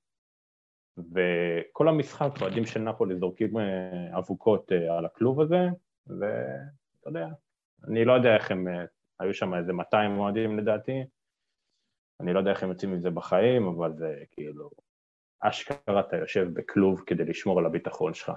כן, יש את זה בהרבה מקומות באירופה. זה... בהולנד הכלובים? גם הייתי, כן, הכלובים. באירופה הייתי גם כן, בהולנד הייתי בכמה משחקים. אה, בוונלו, אה, הייתי פעם אחת במשחק של, אה, אני חושב שאיינדהובן באו לשחק שם נגד ונלו, וגם שם יש ממש כלוב שסגור מכל הכיוונים. זה גם כן מראה קצת מוזר. אה, אבל עדיין היו אוהדים של אה, PSV גם קצת, אה, אתה יודע, בצד השני, אבל תשמע, יש הרבה מגרשים כאלה באירופה שאתה לגמרי סגור, פשוט אתה לא רואה את הכלוב. כשאתה ביציע, אתה רואה ששמו מסביבך רשת שחורה, גדולה, ענקית, ש... כן, אבל אתה צריך לך, להבין... גורמת לך שאתה פה... לא יכול לזרוק חפצים החוצה ושגם לא יכולים לזרוק עליך. זה יש כמעט בכל מגרש חוץ, בכל ליגה אה, עם אה, קהל אולטרס, אתה יודע, שמגיע למשחק באופן קבוע. אה, אני לא חושב שהיה משחק בגרמניה, בבונדסליגה שלא הייתי בו, ש, שלא היה את הרשת הזאת. שדרך אגב, לא רק מונעת uh, ממך לזרוק דברים לעבר uh, המגרש או לעבר קהל החוץ, בתור קהל חוץ, לעבר קהל הבית בתור קהל חוץ, אלא היא גם למשל מגנה עליך מבעיטות לשער של השחקנים, כדורים וכאלה. זאת אומרת, זה ממש תוחם אותך בתור יציע, וזה קיים בהרבה מקומות. במקומות מסוימים פשוט באמת בתור כלוב, כלוב, שאתה באמת מסתכל מרחוק ואתה רואה כלוב, במקומות mm-hmm. מסוימים הרשת השחורה פשוט, כשאתה מסתכל עליה מרחוק היא פשוט לא נראית, אתה לא רואה אותה פשוט כי היא פשוט דקה מדי, אבל היא עדיין אה, מחזיקה פירו ואתה לא יכול לזרוק משם שום דבר פחות או יותר. זה, כן, גם... בוא, בוא, בוא, בוא נשאל, כן, יעקב, אני, אני רוצה... ואני רק רציתי להגיד לאיתי, שעוד, אה, אני יודע שהיריבות בין אה, נפולי ליובי היא גדולה, אבל בעוד נפולי זה טופ חמש קהלים באיטליה, יובי בכלל לא במשחק מהבחינה הזאתי.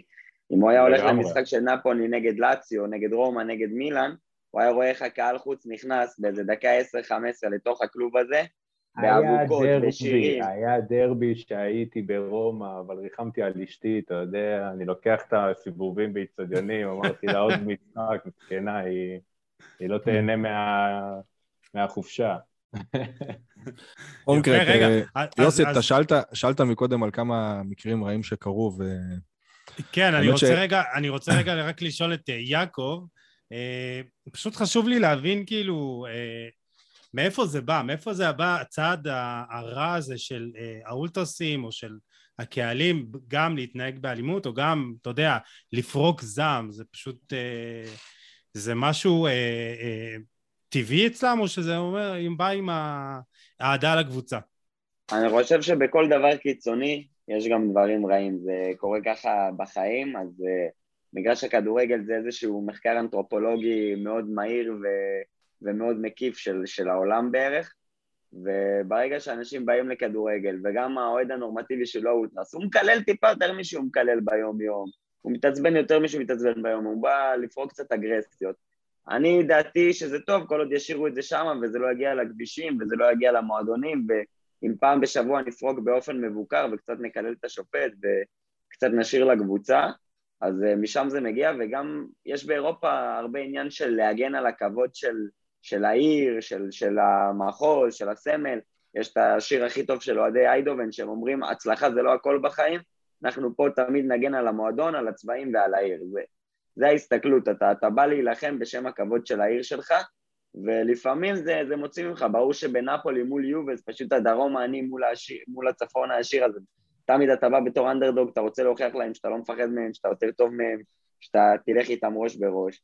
וככה זה בעצם בכל מקום, אתה יודע שאלה אוהדי בית"ר, אוהדי באר שבע, באים לתל אביב, הם יוכיחו להם שהם לא פריפריה, וככה זה עובד בכל העולם, ומשם מגיעים הרבה מן הרעות החולות של הכדורגל.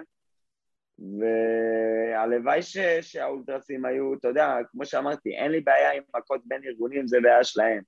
אבל אה, אוהדים מן השורה ש... שבאים למשחק כדורגל עם הילדים, הם לא צריכים להיפגע מזה. כן, אדם, תודה.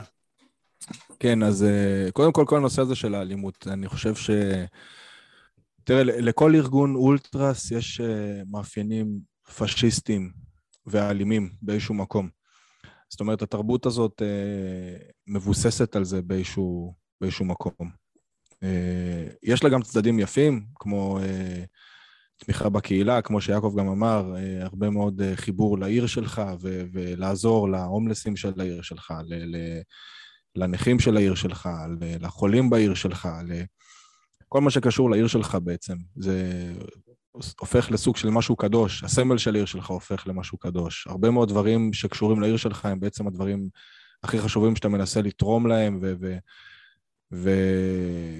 ולהביא ו- את עצמך לפעול למענם. אה, וזה בא לידי ביטוי גם בדברים הטובים, כמו שיעקב אמר, וגם בדברים הרעים. זאת אומרת, גם, גם כשזה מגיע ל- ל- לאלימות ולעמוד על שלך, ולפעמים אה, גם בצורה שהיא יותר מתגוננת כדי להגן על עצמך, ולפעמים גם בצורה, בצורה שהיא יותר אה, מיליטנטית, אה, אקטיבית, ל- ל- לחפש את זה. זאת אומרת, זה, זה מגיע משני הכיוונים, אה, אבל כן יש ארגוני אולטרס שהם, אה, אתה יודע, יותר אה, אלימים, וכאלו שהם טיפה פחות. יש כאלו ששמים את הדגש יותר על, אה, על כל הנושא הזה שאמרתי, של פעילות לקהילה, ואתה יודע, אפילו מארגונים כמו לה פמיליה, כן. שכל כך מפורסמים בתקשורת. אתה עדיין שומע לפעמים שהם הלכו לתקן אה, איזה, לשפץ איזה בית של ניצול שואה או משהו כזה. אתה יודע, זה דברים שמגיעים מכל הארגונים לצד החדשות או הדברים השליליים שמפורסמים עליהם. תראה, הדוגמה הכי טובה למשל, אם אני הולך עכשיו לאירופה, ארגון גדול שהוא מאוד מוכר, זה השיקריה של ביירן, סבבה? של ביאן. אה, שהם היו רק בתחילת דרכם, בשנת 2007, יש איזשהו סיפור מפורסם שממש הגיע ל- ל- לרמה של חדשות בכל uh, גרמניה, פחות או יותר כמו שאז קרה עם אנטוניניו uh, שפציאלי, שדיברנו קודם, עם uh, הרצח של השוטר בקטניה, אז גם פה זה פחות או יותר אירוע באותו סדר גודל. Uh, האולטרס של ביירן היו בדרך למשחק חוץ בגלדבך, והם עצרו באיזושהי תחנת דלק באזור וירצבורג. ומה שקרה זה שעצר שם בדיוק גם סוג של שיירת אוטובוסים של אה, אוהדי נירנברג. עכשיו, נירנברג וביירן הם מסוכסכות, זה דרבי בווארי, יש שם שנאה גדולה בין, בין הקהלים, קרו גם אין ספור תקריות שאפשר לד, כאילו לדבר ולהזכיר. הרבה מאוד גם דברים שקרו בתור נקמה על האירוע שאני אספר עליו עכשיו. אה, בכל מקרה, מה שקרה זה שהשיקריה האולטרה של ביאן היו צריכים לאסוף שם שניים שלושה חברי ארגון. והשניים שלושה חברי ארגון האלה של השיקריה עשו טלפון לחבר'ה באוטובוסים ואמרו להם, תקשיבו, יש פה אוטובוסים של אולטרס נירנברג. תכינו את עצמכם, כי כשאתם אה, עוצרים פה, יהיה פה טאקל. הגיעו אוטובוסים של ביירן, אה, רק מה שהם לא ידעו, השיקריה, זה ששלושה אוטובוסים מהשיירה הזאת שהיו שם כבר עזבו את התחנת דלק של נירנברג, ובשלושה אוטובוסים האלה באמת היו גם האולטרס. זאת אומרת, האוטובוסים האחרונים שנשארו מאחור בתחנת דלק היו אה, מועדוני אוהדים רגילים, שפשוט אה, היו חלק מהשיירה הזאת. ויצא שהשיקריה תקפו את האוטובוסים האלו, ממש בברוטליות, נזרקו שם בקבוקים, חפצים, אה, כל מיני דברים, אה, והם בעצם תקפו אוהדים שהם לא אולטרס, לא, לא חלק מהם מכל הסיפור הזה. אה, יש שם אה, בחורה אחת שהיא את הראייה, כי היא פגעה בבקבוק זכוכית בראש, בעין, וממש נהייתה עיוורת מזה. והתחיל שם מרדף משטרתי אחרי זה, ובלאגן גדול. אה, השיקריה באותה תקופה, שתי אוטובוסים שלהם שהיו בדרך לגלדבך, עצרו אותם, כמעט כולם קיבלו הרחקות מהאצטדיונים. אה, רק משהו כמו אה, עשרה חברי ארגון הותרו, הותרה להם הכניסה לאליאנס ארנה באותה תקופה. אה, וגם רק בגלל שהם לא היו חלק מהנסיעה הזאת, וזו הייתה תקופה שהם אה, באמת אה, היו גם מבחינת ארגון, ממש ירדו למה שנקרא אנדרגראונד, למתחת לרדאר, כי המשטרה חיפשה אותם בכל הזדמנות. זה סיפור למשל שאתה יודע, אתה מסתכל על מה שקרה פעם, אנחנו מדברים על שנת 2007, זה משהו כמו 25 שנה כבר מאז שזה קרה, התקרית הזאת, ואתה שומע היום חדשות שקשורות לשיקריה. אתה יודע, הם מארגנים מפגשים עם עובדי כפייה שעבדו בקטר, בבנייה של האצטדיונים בקטר, למונדיאל. מארחים אותם, גורמים להם, אה, אתה יודע, פעילים בכל נושא של זכויות אדם, מאוד uh, קריטיים וביקורתיים על ההנהלה שלהם, על כל מיני שת"פים מוזרים שהם עושים, עם כל מיני דברים שאתה יודע, שלא מתאימים. יש להם סיי פוליטי מאוד מאוד חזק. הם עדיין רבים עם ההנהלה שלהם כל uh, שישה, שבעה, שמונה חודשים, אבל אתה יודע, אז מצד אחד אתה לוקח פה את המקרה הזה שהיה, שאתה יודע, יש שיגידו, קרה בטעות, ויש כאלה שיגידו, אוקיי, בלתי מעורבים באמת נפגעו. באמת, השיקריה באותה תקופה היו להם שנתיים, שלושה, שהם באמת היו על סף פירוק, כי פשוט לא היו פעילים שלהם ביציע, ואתה יודע, לא היה להם say. אבל מצד שני, אתה רואה איך הם פעילים היום, ואתה רואה מה הם עושים היום, ואיזה השפעה יש להם על המועדון שלהם, ובאיזה כן, דברים... אז, אז אתה יודע, אתה אומר כאילו, אוקיי. כן. בוא נדבר באמת, אדם, סליחה שאני קוטע, באמת על הצד החיובי, ורק נציין שיעקב אה, ירד אה, אה, מהקו, אז תודה ליעקב. תמיד כיף לדבר איתו. Uh, אז בואו נדבר באמת על הצד החיובי, באמת uh, הזכרת פעוליות uh, טובות של הקהל, ואני יכול uh, uh, להגיד uh, אחד הדברים שראיתי uh, לאחרונה על הקהל של uh, דינמו דרדזן, שלפני שנה במשחק גביע, uh, קנו 70 ומשהו אלף uh, כרטיסים uh, וירטואליים, חמישה אירו uh, uh, כל כרטיס, וזה זה, זה, זה נתן סכום יפה יחסית אה, למועדון אה, להתגבר ב... עזוב, אבל המועדון, המועדון לא כן. לא צריך את העזרות האלה, אחי. זה לא, זה פחות העניין של העזרה למועדון, זה יותר העזרה כן. לקהילה, ל, ל, לאנשים שצריכים את זה. אני יכול למשל להגיד לך שכל שנה, ואני בטוח שזה קורה גם בעוד הרבה מדינות, פשוט גרמניה זה המקום שאני יותר שוחה בו, אבל אני יכול למשל אה, לספר לך, או לתת לך בתור דוגמה את מה שקורה פה בגרמניה כל פעם לפני ה Christmas, זאת אומרת, אה, לפני החלפת שנה, סילבסטר, או איך שלא קוראים לזה. כמעט כל ארגון אולטרס, בכל מקום בגרמניה, מארגן סוג של איסוף כספים, או מכירה של מוצר מסוים, וכל ההכנסות האלה למשל הולכים לטובת הקהילה המקומית באיזשהו אופן. בדורטמון למשל בשנה שעברה אה, פתחו מתחם אה, להומלסים, לתת להם ארוחות צהריים וארוחות ערב חמות. אה, גייסו שם משהו כמו 50 אלף יורו בשביל זה. בשטוטגרט אספו כסף בשביל דברים דומים.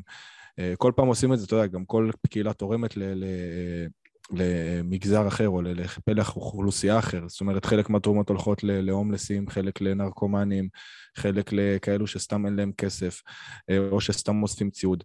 היה למשל עכשיו בקיץ את כל הנושא הזה של השיטפונות בגרמניה, לא יודע אם אה, נחשפו לזה בארץ ועד כמה, אבל באמת אה, אלפי אנשים איבדו את הבית שלהם, וגם פה היה כמעט התארגנות של כל קבוצת אוהדים אפשרית שבאמת באה לאסוף ציוד, כסף, בגדים, כל מיני דברים כדי לתת לאנשים שאיבדו את הבית שלהם.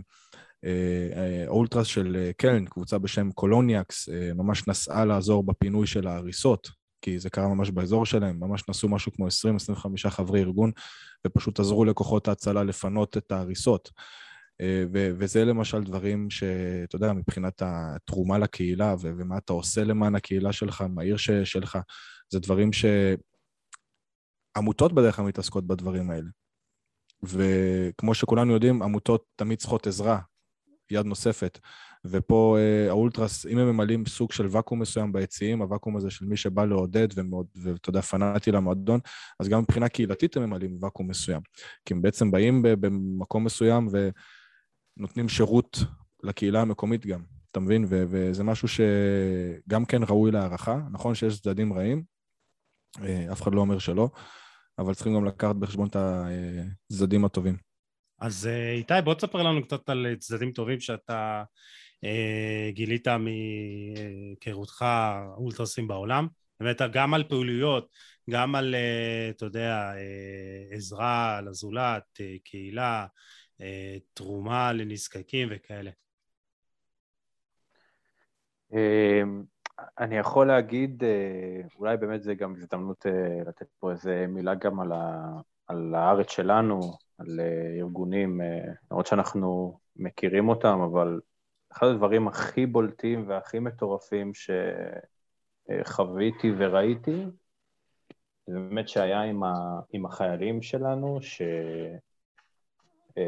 שכל פעם שחייל נופל בקרב, אז באמת תמיד, קודם כל, היה את הסיפור עם, ה, עם, עם החייל שון, שהוא אה, אה, חייל בודד ואשכרה, הגיעו עשרת אלפים איש שם, אתה יודע, שנמחצו שם, עשרת אלפים איש הגיעו להלוויה שלו, רק בגלל שיודעים שהוא אוהד של מכבי חיפה.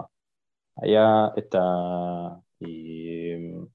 גם כל, כל, כל פעם שנופל איזשהו חייל בקרב, אז אתה רואה גם ביציעים אחרים, אתה יודע, זה קורה גם ביציא המזרחי של בית"ר, אה, ביציעים של מכבי תל אביב, אתה רואה באמת שם אה, תמיד מעלים את הזיכרון של אותו חייל, אה, לא משנה גם אם זה עכשיו איזה משהו רגעי וזה לא איזה סיפור שהתפרסם יותר מדי ולא משהו תקשורתי, לדעתי זה הנצחה, כאילו, אתה יודע, לראות את זה כאיש משפחה או משהו שאתה נמצא בימים כאלה של אבל ושל קושי, אה, ופתאום אתה רואה שלט ענק עם השם של הבן שלך שמאחוריו עומדים לך 15-20 אלף איש מאחורי השלט הזה ומחזיקים אותו, אה, לדעתי זה משהו, זה, זה, אני בטוח שזה עושה תחושה מרגשת וטובה בימים קשים האלה למשפחות, אני מאוד אוהב את זה.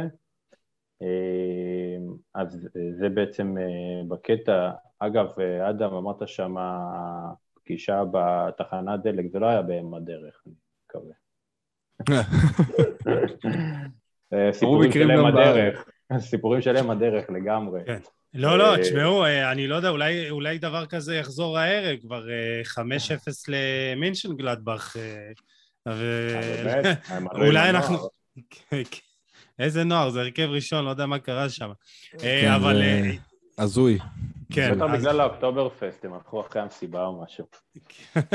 לא, אבל אה, איתי, באמת, אה, יש לך איזה אירוע שאתה אומר, אה, כאילו, באמת מרגש, אתה אומר שאולטרס התארגן ואתה יודע... אז מבחינת ה... אני סיפרתי את הסיפור שם בטוויטר, אז באמת סיפרתי שם את הסיפור מאינדונזיה, אמ, של אה, ארגון שם, שאנחנו מדברים על אינדונזיה, שזו מדינה מוסלמית, שאתה אמ, יודע, פרימיטיבית, עולם שלישי, כל הדברים האלה שאנחנו רגילים אה, להגיד וכל התיוגים האלה שאנחנו יכולים לתת, ובעצם אה, יש שם ארגון אוהדים שפועל, הוא מאוד צעיר, הוא מאוד מודרני, מדובר שם בסטודנטים ואנשים שהם קצת אה, יוצאים אה, מהקופסה המיושנת, והם פשוט אה, בנו שם בתוך הארגון קהילת נשים מדהימה, שהיא אשכרה מקבלת כוח. עכשיו, אנחנו אומרים את זה, וזה נשמע לנו כאילו, אה, בסדר, זה לא כאילו משהו בשמיים. אתה צריך להבין שמדובר בנשים שמגיעות מש, משכונות בלי כסף, עדיין עם האסלאם וכל הדברים שכוללים את זה, אה, הרבה פעמים זה בצורות קיצוניות, ופתאום הן מגיעות למקום והן חלק מקהילה שכוללת גברים, נשים, הן מקבלות את האופציה אה, אה, לתת את הדעת שלהן, וזה בא לידי ביטוי גם, לא רק בתוך האצטדיון, אלא גם מחוצה לו. הן מנהלות את המכירת כרטיסים. מכירת כרטיסים, הם לא הולכים לאצטדיון וקונים את זה, יש להם את הנקודה, המפקדה שלהם, נקרא לזה במרכאות, האוהדים מגיעים לשם והם רוכשים מהם את הכרטיסים, וככה הכסף תמיד נמצא בתוך הארגון, ככה שהם יכולים, והם מייצרים קהילתיות בזה. אנשים שם ממקום של כזה, אתה יודע, להיות בבית ולדאוג לבית ולהביא ילדים ודברים כאלה, הן יוצאות החוצה, הן עושות פעילויות, הן מגיעות uh, למשחקים, הן מושכות אחריהן את, ה, uh, את המשפחה שלהן. עכשיו, יש שם כאילו כזה סיפור שהבנות הן uh, מגיעות למשחקים עד השלב שנולדים להם תינוקות. ואז כאילו מראיינים את הנשים הטריות, את האימהות הטריות, ומספרות שהן כזה כרגע אני לא הולכת למשחקים כי יש לי תינוק בבית, אבל ברגע שהוא יגדל אני אחזור ללכת, וזה כזה... אה, זה, זה קטע מצחיק, אתה יודע, בתוך כל הטירוף הזה ו, והכמות הנשים הזאת, אז יש לך עדיין אנושיות שמסתתרת מאחורה למרות הדבר הזה. זהו, מעבר לזה אני אה, לא, לא, לא עוקב יותר מדי מאחורי אה, אה, פעילויות קהילתיות, זה גם נראה לי כזה משהו שנשאר עמוק בתוך הארגון עצמו, לא עכשיו איזה משהו מתפרסם. היה לי איזה משהו שרציתי לשאול את אדם, דווקא כי אתה מכיר הרבה את הכדורגל האיטלקי, יש את ה, כל הקטע שדיברנו קודם כל על הקהל חוץ, אז יש, אמר, אמרנו, יש את הכלוב בעצם, אבל יש לנו גם את השלב של לפני ההגעה למשחק ויש לנו את השלב של אחרי ההגעה למשחק. אתה צריך להגיע למצב שאתה נוסע לעיר ארבע, חמש שעות נסיעה, אתה נוסע בשלום ואתה חוזר בשלום. עכשיו, מה שקורה בעצם במצבים האלה, מה שאני מכיר, יש בדרך כלל הסעות, או אה, שעות נסיעה שאשכרה סוגרים את הכביש לאותם אוהדים, אה, שהם מלווים בדרך כלל באיזה ניידת או שתיים. אה, או עשרים. ו... כן, זה תלוי איזה משחק לגמרי, אבל מה שקורה אחרי המשחק, אני הייתי פשוט במשחק של, הייתי גם במשחק של פורטו וגם במשחק של באזל, וקודם כל יש את הקטע שממתינים אחרי המשחק, אתה נשאר בתוך היציע איזה חצי שעה, 40 דקות, ורק אחרי שהאוהדי בית יוצאים, או מתפזרים וכאלה, מתחילים להוציא את האוהדי חוץ. עכשיו, גם את האוהדי חוץ, הם יוצאים בגוש אחד, יש תמיד מעטפת של אה, שוטרים מסביב, אה, והם מגיעים לאיזושהי נקודה שלוקחת אותם, ואתה יודע, ומרחיקה אותם כאילו מהאזור הבעייתי. אמ, אז זה, אני מתאר לעצמי שזה גם ככה בגרמניה, כאילו. זה מאוד מאוד תלוי, אבל כן, בתכלס כן. אם כי יש הבדל מאוד מאוד גדול, אה, זאת אומרת, צריך לתת פה איזשהו רקע גם על איטליה, היה הרי מ-2010 היה את כל הנושא הזה עם הכרטיס האוהד מיוחד, אה, מה שנקרא טסרה דל טיפוסי, טיפוסי, אה, בעצם סוג של רישיון אוהד, שכל אוהד היה צריך בעצם להוציא כדי שתינתן לו הזכות לנסוע בתור קהל חוץ למשחקים באיטליה. נכון. עכשיו, האולטרס מאוד נלחמו נגד זה ולא לא הסכימו, היה הרבה מאוד מחאות על זה, הרבה מאוד ארגוני אולטרס בכלל לא נסעו למשחקי חוץ, אלו שכן עשו את זה, בעיקר קנו כרטיסים ליציאה של הקבוצת בית, שלשם אתה לא צריך את הטסרה דל טיפוסי, אלא רק להראות אה, תעודה מזהה בכניסה לאצטדיון. אה, בסופו של דבר עכשיו זה בוטל, לא לפני כמה שנים, אבל לא טועה, זה שנתיים או שלוש. זה התבטל, ועכשיו מותר אה, לקהל חוץ שוב לנסוע, אז זה שוב קצת שונה. אבל כן, בגדול אה, באיטליה זה פחות או יותר עובד באותה צורה כמו בגרמניה. אה, כשאולטרס מגיעים, כשקהל מגיע, אז יש ליווי משטרתי. בהרבה מאוד מקומות המשטרה בכלל לא מאשרת לאולטרס להתאסף באיזשהו מקום. זאת אומרת, יש גם הרבה מאוד בלאגן בנושא הזה. יש עיריות ומשטרות שאומרות, אתם בעיר שלנו לא מתאספים, אם אתם רוצים להגיע למשחק, יש אה, לכם תנאים, אתם צריכים לעמוד בתנאים האלה, אם אתם לא עומדים בתנאים, תשארו בבית. אני חייב להסביר ל... ליוסי, אני אה, מצטער שאני עוצר אותך, אני חייב להסביר ליוסי, אני לא חושב שהוא מבין, אבל שקהל חוץ יוצא לכיוון העיר והוא עובר באיזושהי אוטוסטרדה, אז יש כל הדרך, לאיצטדיון יש שלטים, מסבירים שמה שבין שעות מסוימות או אין תנועה של רכבים, או רק בשעות האלה האוהדים יכולים לנסוע על הכביש הזה.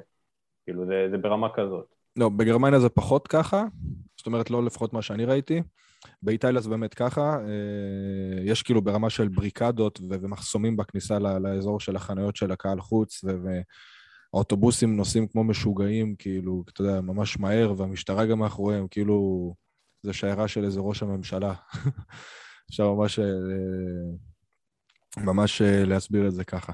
בגרמניה זה עובד בצורה טיפה אחרת, זאת אומרת, המשטרה גם כן מפלסת דרך, ויש לך דרך צדדית, ו- ומלווה אותך עם אה, אוטובוסים ושיירה ענקית. יש נקודת איסוף מסוימת שאתה צריך להגיע אליה. אם אתה אוטובוס אוהדים שמגיע מרחוק, אז עוצרים אותך בכניסה והופכים לך את כל האוטובוס, בודקים שלא הבאת איתך שום דבר מעניין. מעניין מבחינת המשטרה כמובן.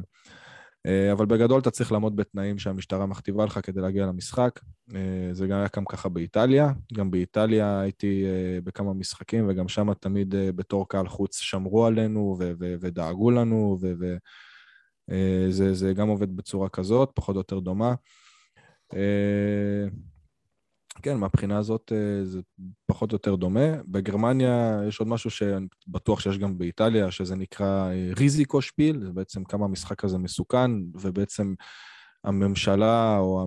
מדינת המחוז מגדירה את המשחק לפי uh, המידע שיש לה, כמה הוא מסוכן, ולפי זה גם כמובן נשלחים למקום כוחות משטרה וסדרנים וכאלו וכאלו. אה, ובגרמניה אה, חמש זה הכי גבוה, ואז שולחים לך את כל המשטרה, הרובוטריקים האלה עם ה... חמש כוכבים ב-GTA. כן, זה... זה ממש נראה כאילו בא לך פאור רנג'רס שהפך ל... הפך לאיזה רובוט שבא ועומד מולך, כאילו, תשמע, זה... במצבים מסוימים זה מפחיד, גם באמסטרדם עכשיו האמת יש אה, כאלה שיוצאים אליך עם איזשהו מגן, כאילו עם איזה Spartans כאלה, אתה יודע. היה עכשיו במשחק של פריז, אתה ראית איך נאמר מרים אה, קרנות, כאילו... לא, זה פסיכי, מה שיש שם... מה שקרה, כאילו, עומדים לך שם איזה 15 שוטרים כן, עם... מגנים עליו. האמת שהפעם הראשונה שראיתי זה ממש בצורה כזאת, זה בדרבים של איסטנבול, שזה דרבים אה, פסיכיים, כאילו. תשמע, שמעתי פודקאסטים וסיפורים, ו... Uh, הדרבים של איסטנבול, באמת, יוסי, זה משהו שקשה להסביר במילים. כאילו, יש שם אוהדים טורקים שלילה לפני המשחק מסתובבים עם סכין קצבים ומחפשים אוהדים יריבים כדי לשחוט אותם, ממש ברמה כזאת. ויש סיפורים כאילו על אוהדים שזרקו אותם אה, מהיציע, ממש מגובה של איזה 20 קומות, ממרומי היציע, זרקו אותם כאילו למטה ל... תשמע, טירוף, כאילו מה שהולך בטורקיה, והיום זה כבר, אתה יודע, קצת יותר ממוסד, עבר הרבה רגולציות. שמעתי סיפורים על טורקיה של, אתה יודע, הדרבים של אה, שחיים רביבו עוד היה משחק. פסיכים, באמת, כאילו, פסיכים ברמות של רצח ברחובות, באמת, טירוף ברמות שאי אפשר לתאר, ושלא נדבר בכלל על רמת הדציבלים והעידוד ו... ומה שהולך שם, יש את הסרטון המפורסם של אוהדי בשיקטה, שבלי שום קשר ידועים ב... ב... ב... בעוצמות שלהם, ואומרים שזה עד היום האצטדיון אה, שנמדדו בו הכי הרבה דציבלים בעולם. נכון. באיזשהו משחק. אה, ודרך אגב, יש להם אה, גם ארגון שיחסית לזה שהם חיים במדינה עם שליט פשיסטי בשם ארדואן, ארגון שהוא מה שנקרא מאוד אנטיפה, כן, יותר לכיוון השמאלני, אנטי-ממסדי, אנטי-ממשלתי כזה. צ'ארסי, קוראים לו, זה על שם איזשהו שוק שיש בשכונת בשיקטש. ויש סיפור מאוד מעניין על הבן אדם שבעצם הקים את הארגון הזה, וגם המנהיג שלו לתקופה מאוד ארוכה, קוראים לו ממת אישיקלר. הכינוי שלו אופטיק, בגלל שהוא היה לובש משקפיים עם מסגרת כפולה כזאת, אז הרבה מאוד אנשים אהבו לצחוק עליו. הוא בכל מקרה נולד ב-1979 לאימא אלבנית, אוהדת צרופה של בשיקטש, וב-1974 בגיל חמש הוא כבר הפעם הראשונה באצטדיון. אבא שלו למשל אסר עליו, פה זה הגיע יותר מכיוון האימא, אהבה לכדורגל. בכל מקרה, זה בן אדם שבעצם הקים את, ה- את הצ'רסי שדיברתי עליו.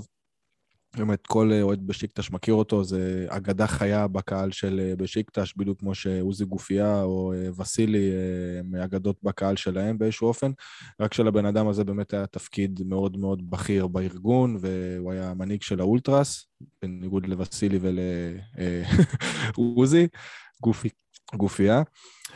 וגם כאן יש צדדים יפים וצדדים פחות יפים. מצד אחד הוא היה נרקומן שהיה מכור לסמים, שהיה לו, אתה יודע, הרבה מאוד בלאגנים בחיים. מצד שני, אה, לפני שהוא התמכר לסמים, הוא היה מורה בבית ספר וסיים תואר באוניברסיטה, ואתה יודע, היה בן אדם נורמטיבי לגמרי. אה, היה לו עשרות כלבים שהוא היה מטפל בהם, הוא מאוד היה אוהב אותם, כלבי רחוב, שהוא היה אה, מאכיל אותם, משהו כמו 50-60 כלבי רחוב, זה הדיבור. מעבר לזה היה לו גם את הכלב שלו, קראו לו סלי. ובסופו של דבר הבן אדם הזה נפטר ממנת יתר אחרי שהוא ישב בכלא, ואתה יודע, סיפור מאוד מאוד עצוב, הוא גם אה, נפטר בגיל מאוד מאוד מוקדם. אני חושב שהוא היה בן משהו כמו כמעט 40, 38 או 39, משהו כזה, אם אני זוכר נכון. ו- ועד היום האנשים בשכונת בשיקטש ובאיסטנבול בכלליות מכירים אותו ומוקירים אותו. אה, ושוב, זו דוגמה כאילו לצדדים הטובים ולצדדים הרעים שיש לך, ומעבר לזה, לכמה כדורגל מחבר גם בין אנשים, והאולטרס בכלליות, בגלל שזה גם דרך לחיות את זה, את הכדורגל גם לאורך ימות השבוע, זה בעצם מעצים את זה עוד יותר. אתה דיברת על האנטיפה, okay. אז אם לוקחים את האנטיפה באמת, אה, אז הצד הישראלי שלו זה הפועל תל אביב, יש באמת אה, איזשהו, דיברנו על זה גם קודם, על החיבורים בין ארגונים אה, שמגיעים מכל מיני מחוזות בעולם, אה, כל מיני שת"פים למיניהם, בדיוק צייצתי על בריסטול סיטי ווילם 2, אז בעצם הרבה מהחיבורים האלה מגיעים מהגוון הפוליטי באמת. אה, במדינה הזאת אה, היו פליטים שהקימו את הקבוצה, במדינה הזאת היו פליטים שהקימו את הקבוצה, והדברים האלה באמת מתחברים אפילו ברמה עולמית, כאילו. Uh, טוב, תשמעו, היה מרתק להקשיב לכם בדיאלוג הזה, לא רציתי להפריע, אבל אני חושב שנתקדם לשאלון סיום, ברשותכם. מקובל עליכם? בטח. יאללה. יאללה, תן לנו. ארבע שאלות קצ... זריזות, קצרות, כל אחד אה, יענה את התשובה שלו. אה, אדם, האולטרס הכי אהוב עליך. אה. דורטמונד, שאלה רטורית. כן. דורטמונד, ברור. החיבור. איתי, האולטרס של מכבי חיפה, הקופים? אה, כמובן, אני יושב אה, עם הקופים אה, כבר איפשהו בתחילת שנות האלפיים, כבר ממרומי יציע ג', אבל אם אנחנו לוקחים את, ה... את האירופים, אז בוא נגיד, הייתי הולך על או אינטר או מילאן, סנסירו, 80 אלף איש, והם פשוט מרימים תפאורה עצומה בגודל שלה. אני אוהב. אה, בייחוד של אוקיי. דרבי. אוקיי, מעניין. אה, האולטרס המשוגע ביותר? מאיזה בחינה? מבחינת uh, המעשים שהם עושים, אתה יודע, משוגע סלאש אה, מסוכן. משוגע סלאש מסוכן. אוקיי. Uh, הייתי אומר, uh, לא יודע, יש הרבה. תשמע, זה שאלות... אתה שוב גורם לי, גורם לי לרצות לפרט עכשיו על כל מיני דברים שקרו בעבר. או... בסדר, יהיה חלק ב' לפרק. נשאר בגרמניה, אולטרס פרנקפורט, UF. מה כן, שהם עשו אה, בבלגיה במשחק האחרון אה, מטורף ברמות, כאילו, הם תקפו את הכוח משטרה המקומי שם, גרמו להם לברוח. אה, למשטרה הם גרמו לברוח, כאילו, ותקפו פאב של קבוצה בלגית מקומית. צריך הרבה ביצים לעשות דבר כזה. יש גם כמובן הרבה מאוד במזרח אירופה, אבל בגלל שההתמחות שלי יותר גרמניה, אז אני אלך פה עם UF, אולטרס פרנקפורט. כן, הנה, איתי יגבה אותך פה. האולטרס המסוכן ביותר, זה משהו בטח איזה פולני או משהו כזה, לא? אז uh, בעיקרון כן, אני תמיד uh, אחשוב שלגיה ורשה זה כאילו הדבר הכי קיצוני שאני רואה, אבל למען הספורט uh, אני אציין דווקא את uh, דרזדן, שיש להם פשוט איזו תמונה שלא יוצאת לי מהראש, שהם הם לקחו את הבגדים של הקבוצה, הם הפכו אותם למדעי צבא, שמו על עצמם אה, כיסוי על הפנים, הם פשוט הלכו ככה איזה 400 איש בלבוש הזה, אותו לבוש, זה כאילו, באמת צריך להיות קיצוני בשביל למצוא את עצמך הולך ככה בתוך uh, כמות כזאת של אנשים בלבוש הזה. אה, מבחינתי, מבחינתי הכי מסוכנים זה יוון, בכלליות, האולטרס ביוון. אה, מהסיבה הפשוטה ששם יש גם הרבה מאוד אה, שימוש בנשקים, ויש שם ברוטליות ברמות שבאמת אה, לא רואים בהרבה מקומות בעולם. ברמות של, כאילו, באמת, יש סיפורים של אנשים שהוציאו אותם המכוניות, דפקו להם בעיטות לראש. שימוש בסכינים, בנשק קר.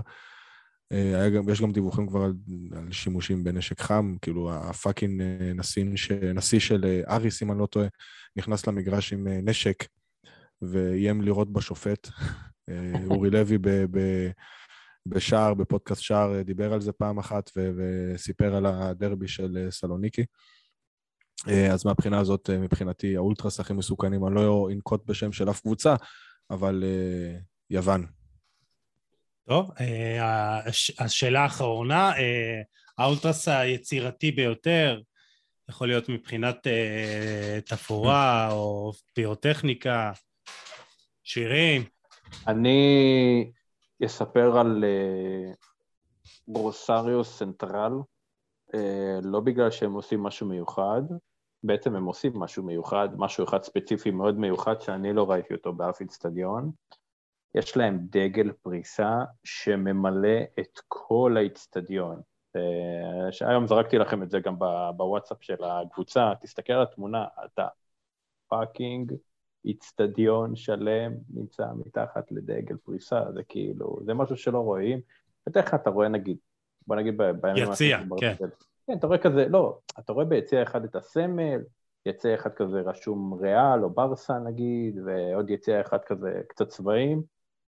פה הרימו שלט ענק, אגב, הוא, הוא, הוא, הוא רם כמה פעמים, אבל אני לא ראיתי כאילו דבר כזה ענק, כאילו, עולה לאוויר. שלך, אה, אדם? אה, מבחינת מקוריות, טוב, אז אה, קודם כל יש שתי קהלים שמבחינת המוכרים, אני מחזיק מהם בקטע הזה, קודם כל לגיה. הם עושים אחלה תפאורות. זה א', והשניים שאני האמת יותר מחזיק מהבחינה הזאת, זה סנט פטרסבורג. שבאמת אה, שווה לעקוב אחריהם. אה, קודם כל, באמת אה, דגלים, דגלי פריסה מבחינת המקוריות והרעיונות שעומדים מאחורי זה, זה, זה באמת עולה על בסיס שבועי כמעט אצלם, די הרבה, כמעט כל סופה שיש איזושהי תמונה מעניינת שמגיעה מהמקום. אה, מעלים כזה אנשי מלחמה, נכון? כזה כל מיני אה, אנשים במדי כן, מלחמה כאלה, וזה... בין היתר. הם, בקטע הזה הם מאוד מאוד מאוד מאוד מקוריים, יש להם גם מבחינת הדברים שהם עושים מרשים, באמת, גם הרעיונות. ודרך אגב, מקודם התבלבלתי עם לגיה, כמובן שאני מתכוון לוויסלה, קרקוב, אה, שלא ללגיה, לוויסלה קרקוב, שמבחינת, יותר מדי בירות כבר בשבילי לפרק הזה, כבר על שלושה. אה, כן, ויסלה בקטע הזה הם אה, הרבה יותר יצירתיים מלך, אה, כמובן. בוא נשאיר את לגיה באלימים. בוא נשאיר את לגיה באלימים. כן, אפשר. זהו, אז כן, כן. סנט פטרסבורג מהבחינה הזאת באמת מבחינתי, בקטע הזה לפחות ממש במקום גבוה. Uh, למרות שבאמת יש uh, גם הרבה מאוד קהלים אחרים שעושים uh, תפאורות סופר מקוריות. Uh, אתה. העלית, נכון איתי? העלית משהו עם, עם בית הנייר משהו, נכון? כן, זה היה עכשיו מווילם 2. Uh, יש האמת, אדם, גם איזשהו פרויקט תפאורה שלא קורה הרבה באירופה אגב, וזה תפאורה זזה, ש...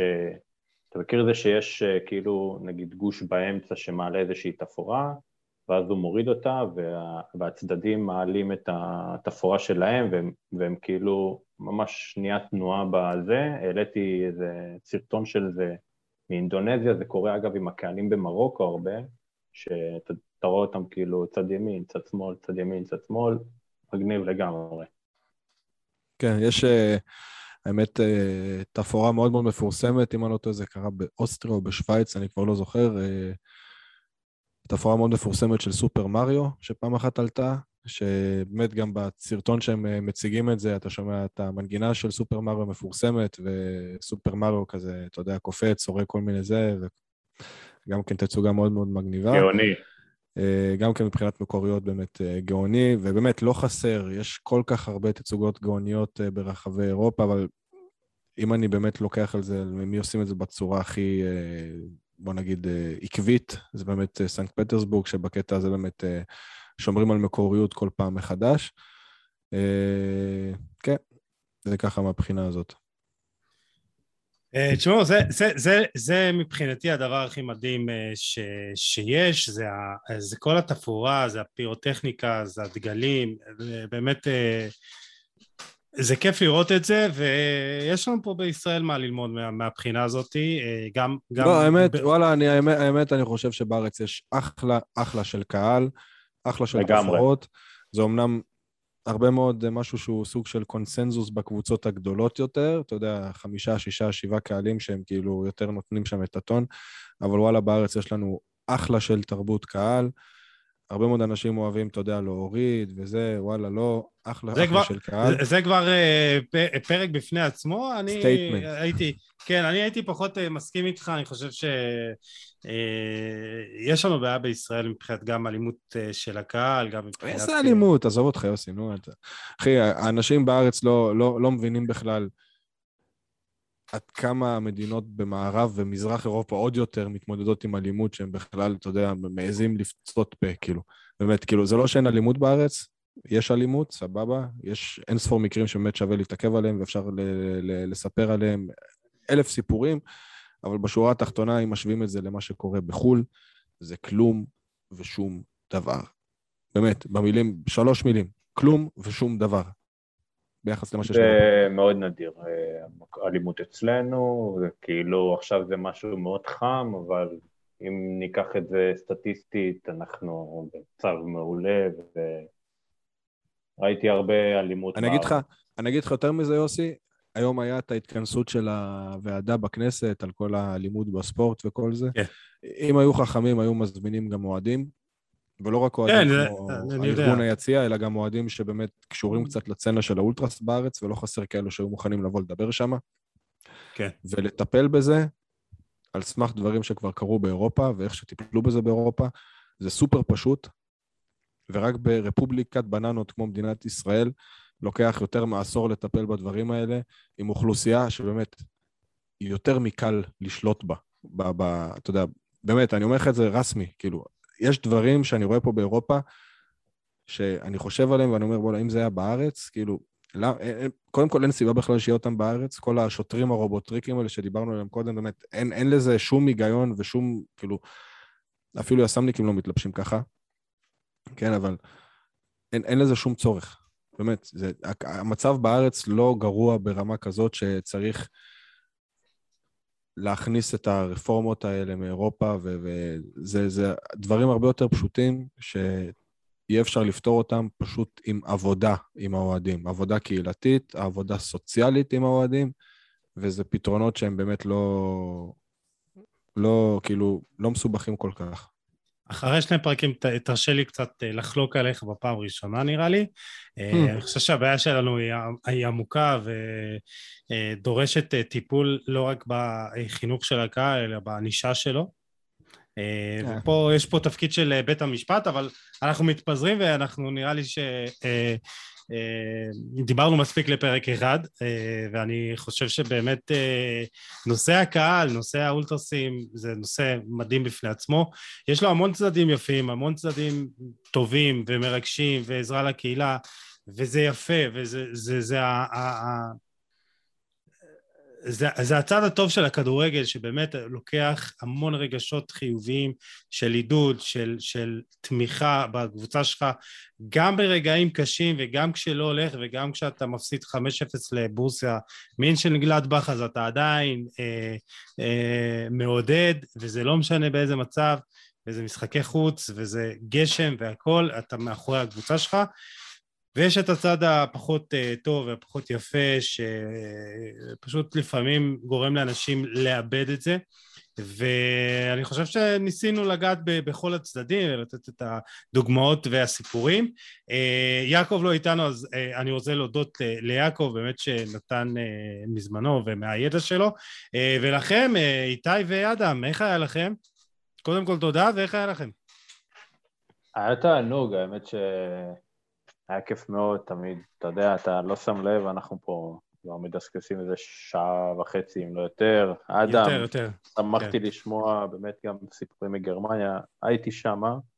אה, זה כיף לשמוע גם את הצד של הממברים, אה, שהוא צד תמיד שונה מתייר שמגיע, ויאללה, אני מקווה שתצליחו ושביירן לא ייקחו אליפות. ייקח עוד הרבה שנים נראה לי עד שזה יקרה. אה, גביע כבר אה, נראה לי יסתפקו ב- בזה, אתה יודע. כן, לא, גביע זה אחלה תואר. אני, מסכים. אה, אדם, איך היה? כן. זה אני גם אומר בתור אוהד הפועל, שגביע זה אחלה תואר. לפחות יש גביע בארון מהשנים האחרונות. כן. אדם, תודה רבה, אנחנו באמת מתחילים להתחבב איתך פרקים, גם בונדסליגה, גם קהל, אז אה, יפה. תודה. היה כיף, כמו תמיד, להתארח אצלך, ומקווה שיהיה לנו עוד הזדמנויות בחלקים הבאים, בפרקים אה, הבאים. לגמרי, אז אני קודם כל אה, תודה לכם שוב, ואני רוצה להזכיר לכל מי שעדיין איתנו ושומע אותנו, אה, לעקוב אחריכם, אדם, כמובן פוסבל, עמוד נפלא, וגם פודקאסט שמתעסק בכדורגל גרמני והרבה מעבר לכך. ואחרי איתי, שקוראים לו בכלל אולטרס אשכנז, בטוויטר, אה, תשמעו, זה פשוט אה, דברים מדהימים ומטורפים שהוא עושה. אה, וכמובן, יעקב ליפשיץ ועובדות לא חשובות בספורט, תודה גם לו. אז אני רוצה להיפרד מכם, חברים. היה לי לעונג לארח אתכם, ובאמת זה נושא מרתק בפני עצמו. ניסינו לדחוס הכל לפרק אחד, אבל אם תהיה דרישה, אז אולי נעשה פרק ב', חלק ב', ותעקבו אחרינו גם... ב... כן. ורוצה להזכיר לכם גם לעקוב אחרי חולה על כדורגל, גם לתת עוקב אה, ברשתות החברתיות השונות וגם באפליקציות ההאזנה אה, השונות. זה חשוב לנו, גם הפידבק וגם המעקב שלכם והמעורבות. אה, ואנחנו אה, ניפגש בפרק הבא עם עוד תוכן מעניין ואיכותי. אה, תשמעו על עצמכם. יאללה, ביי.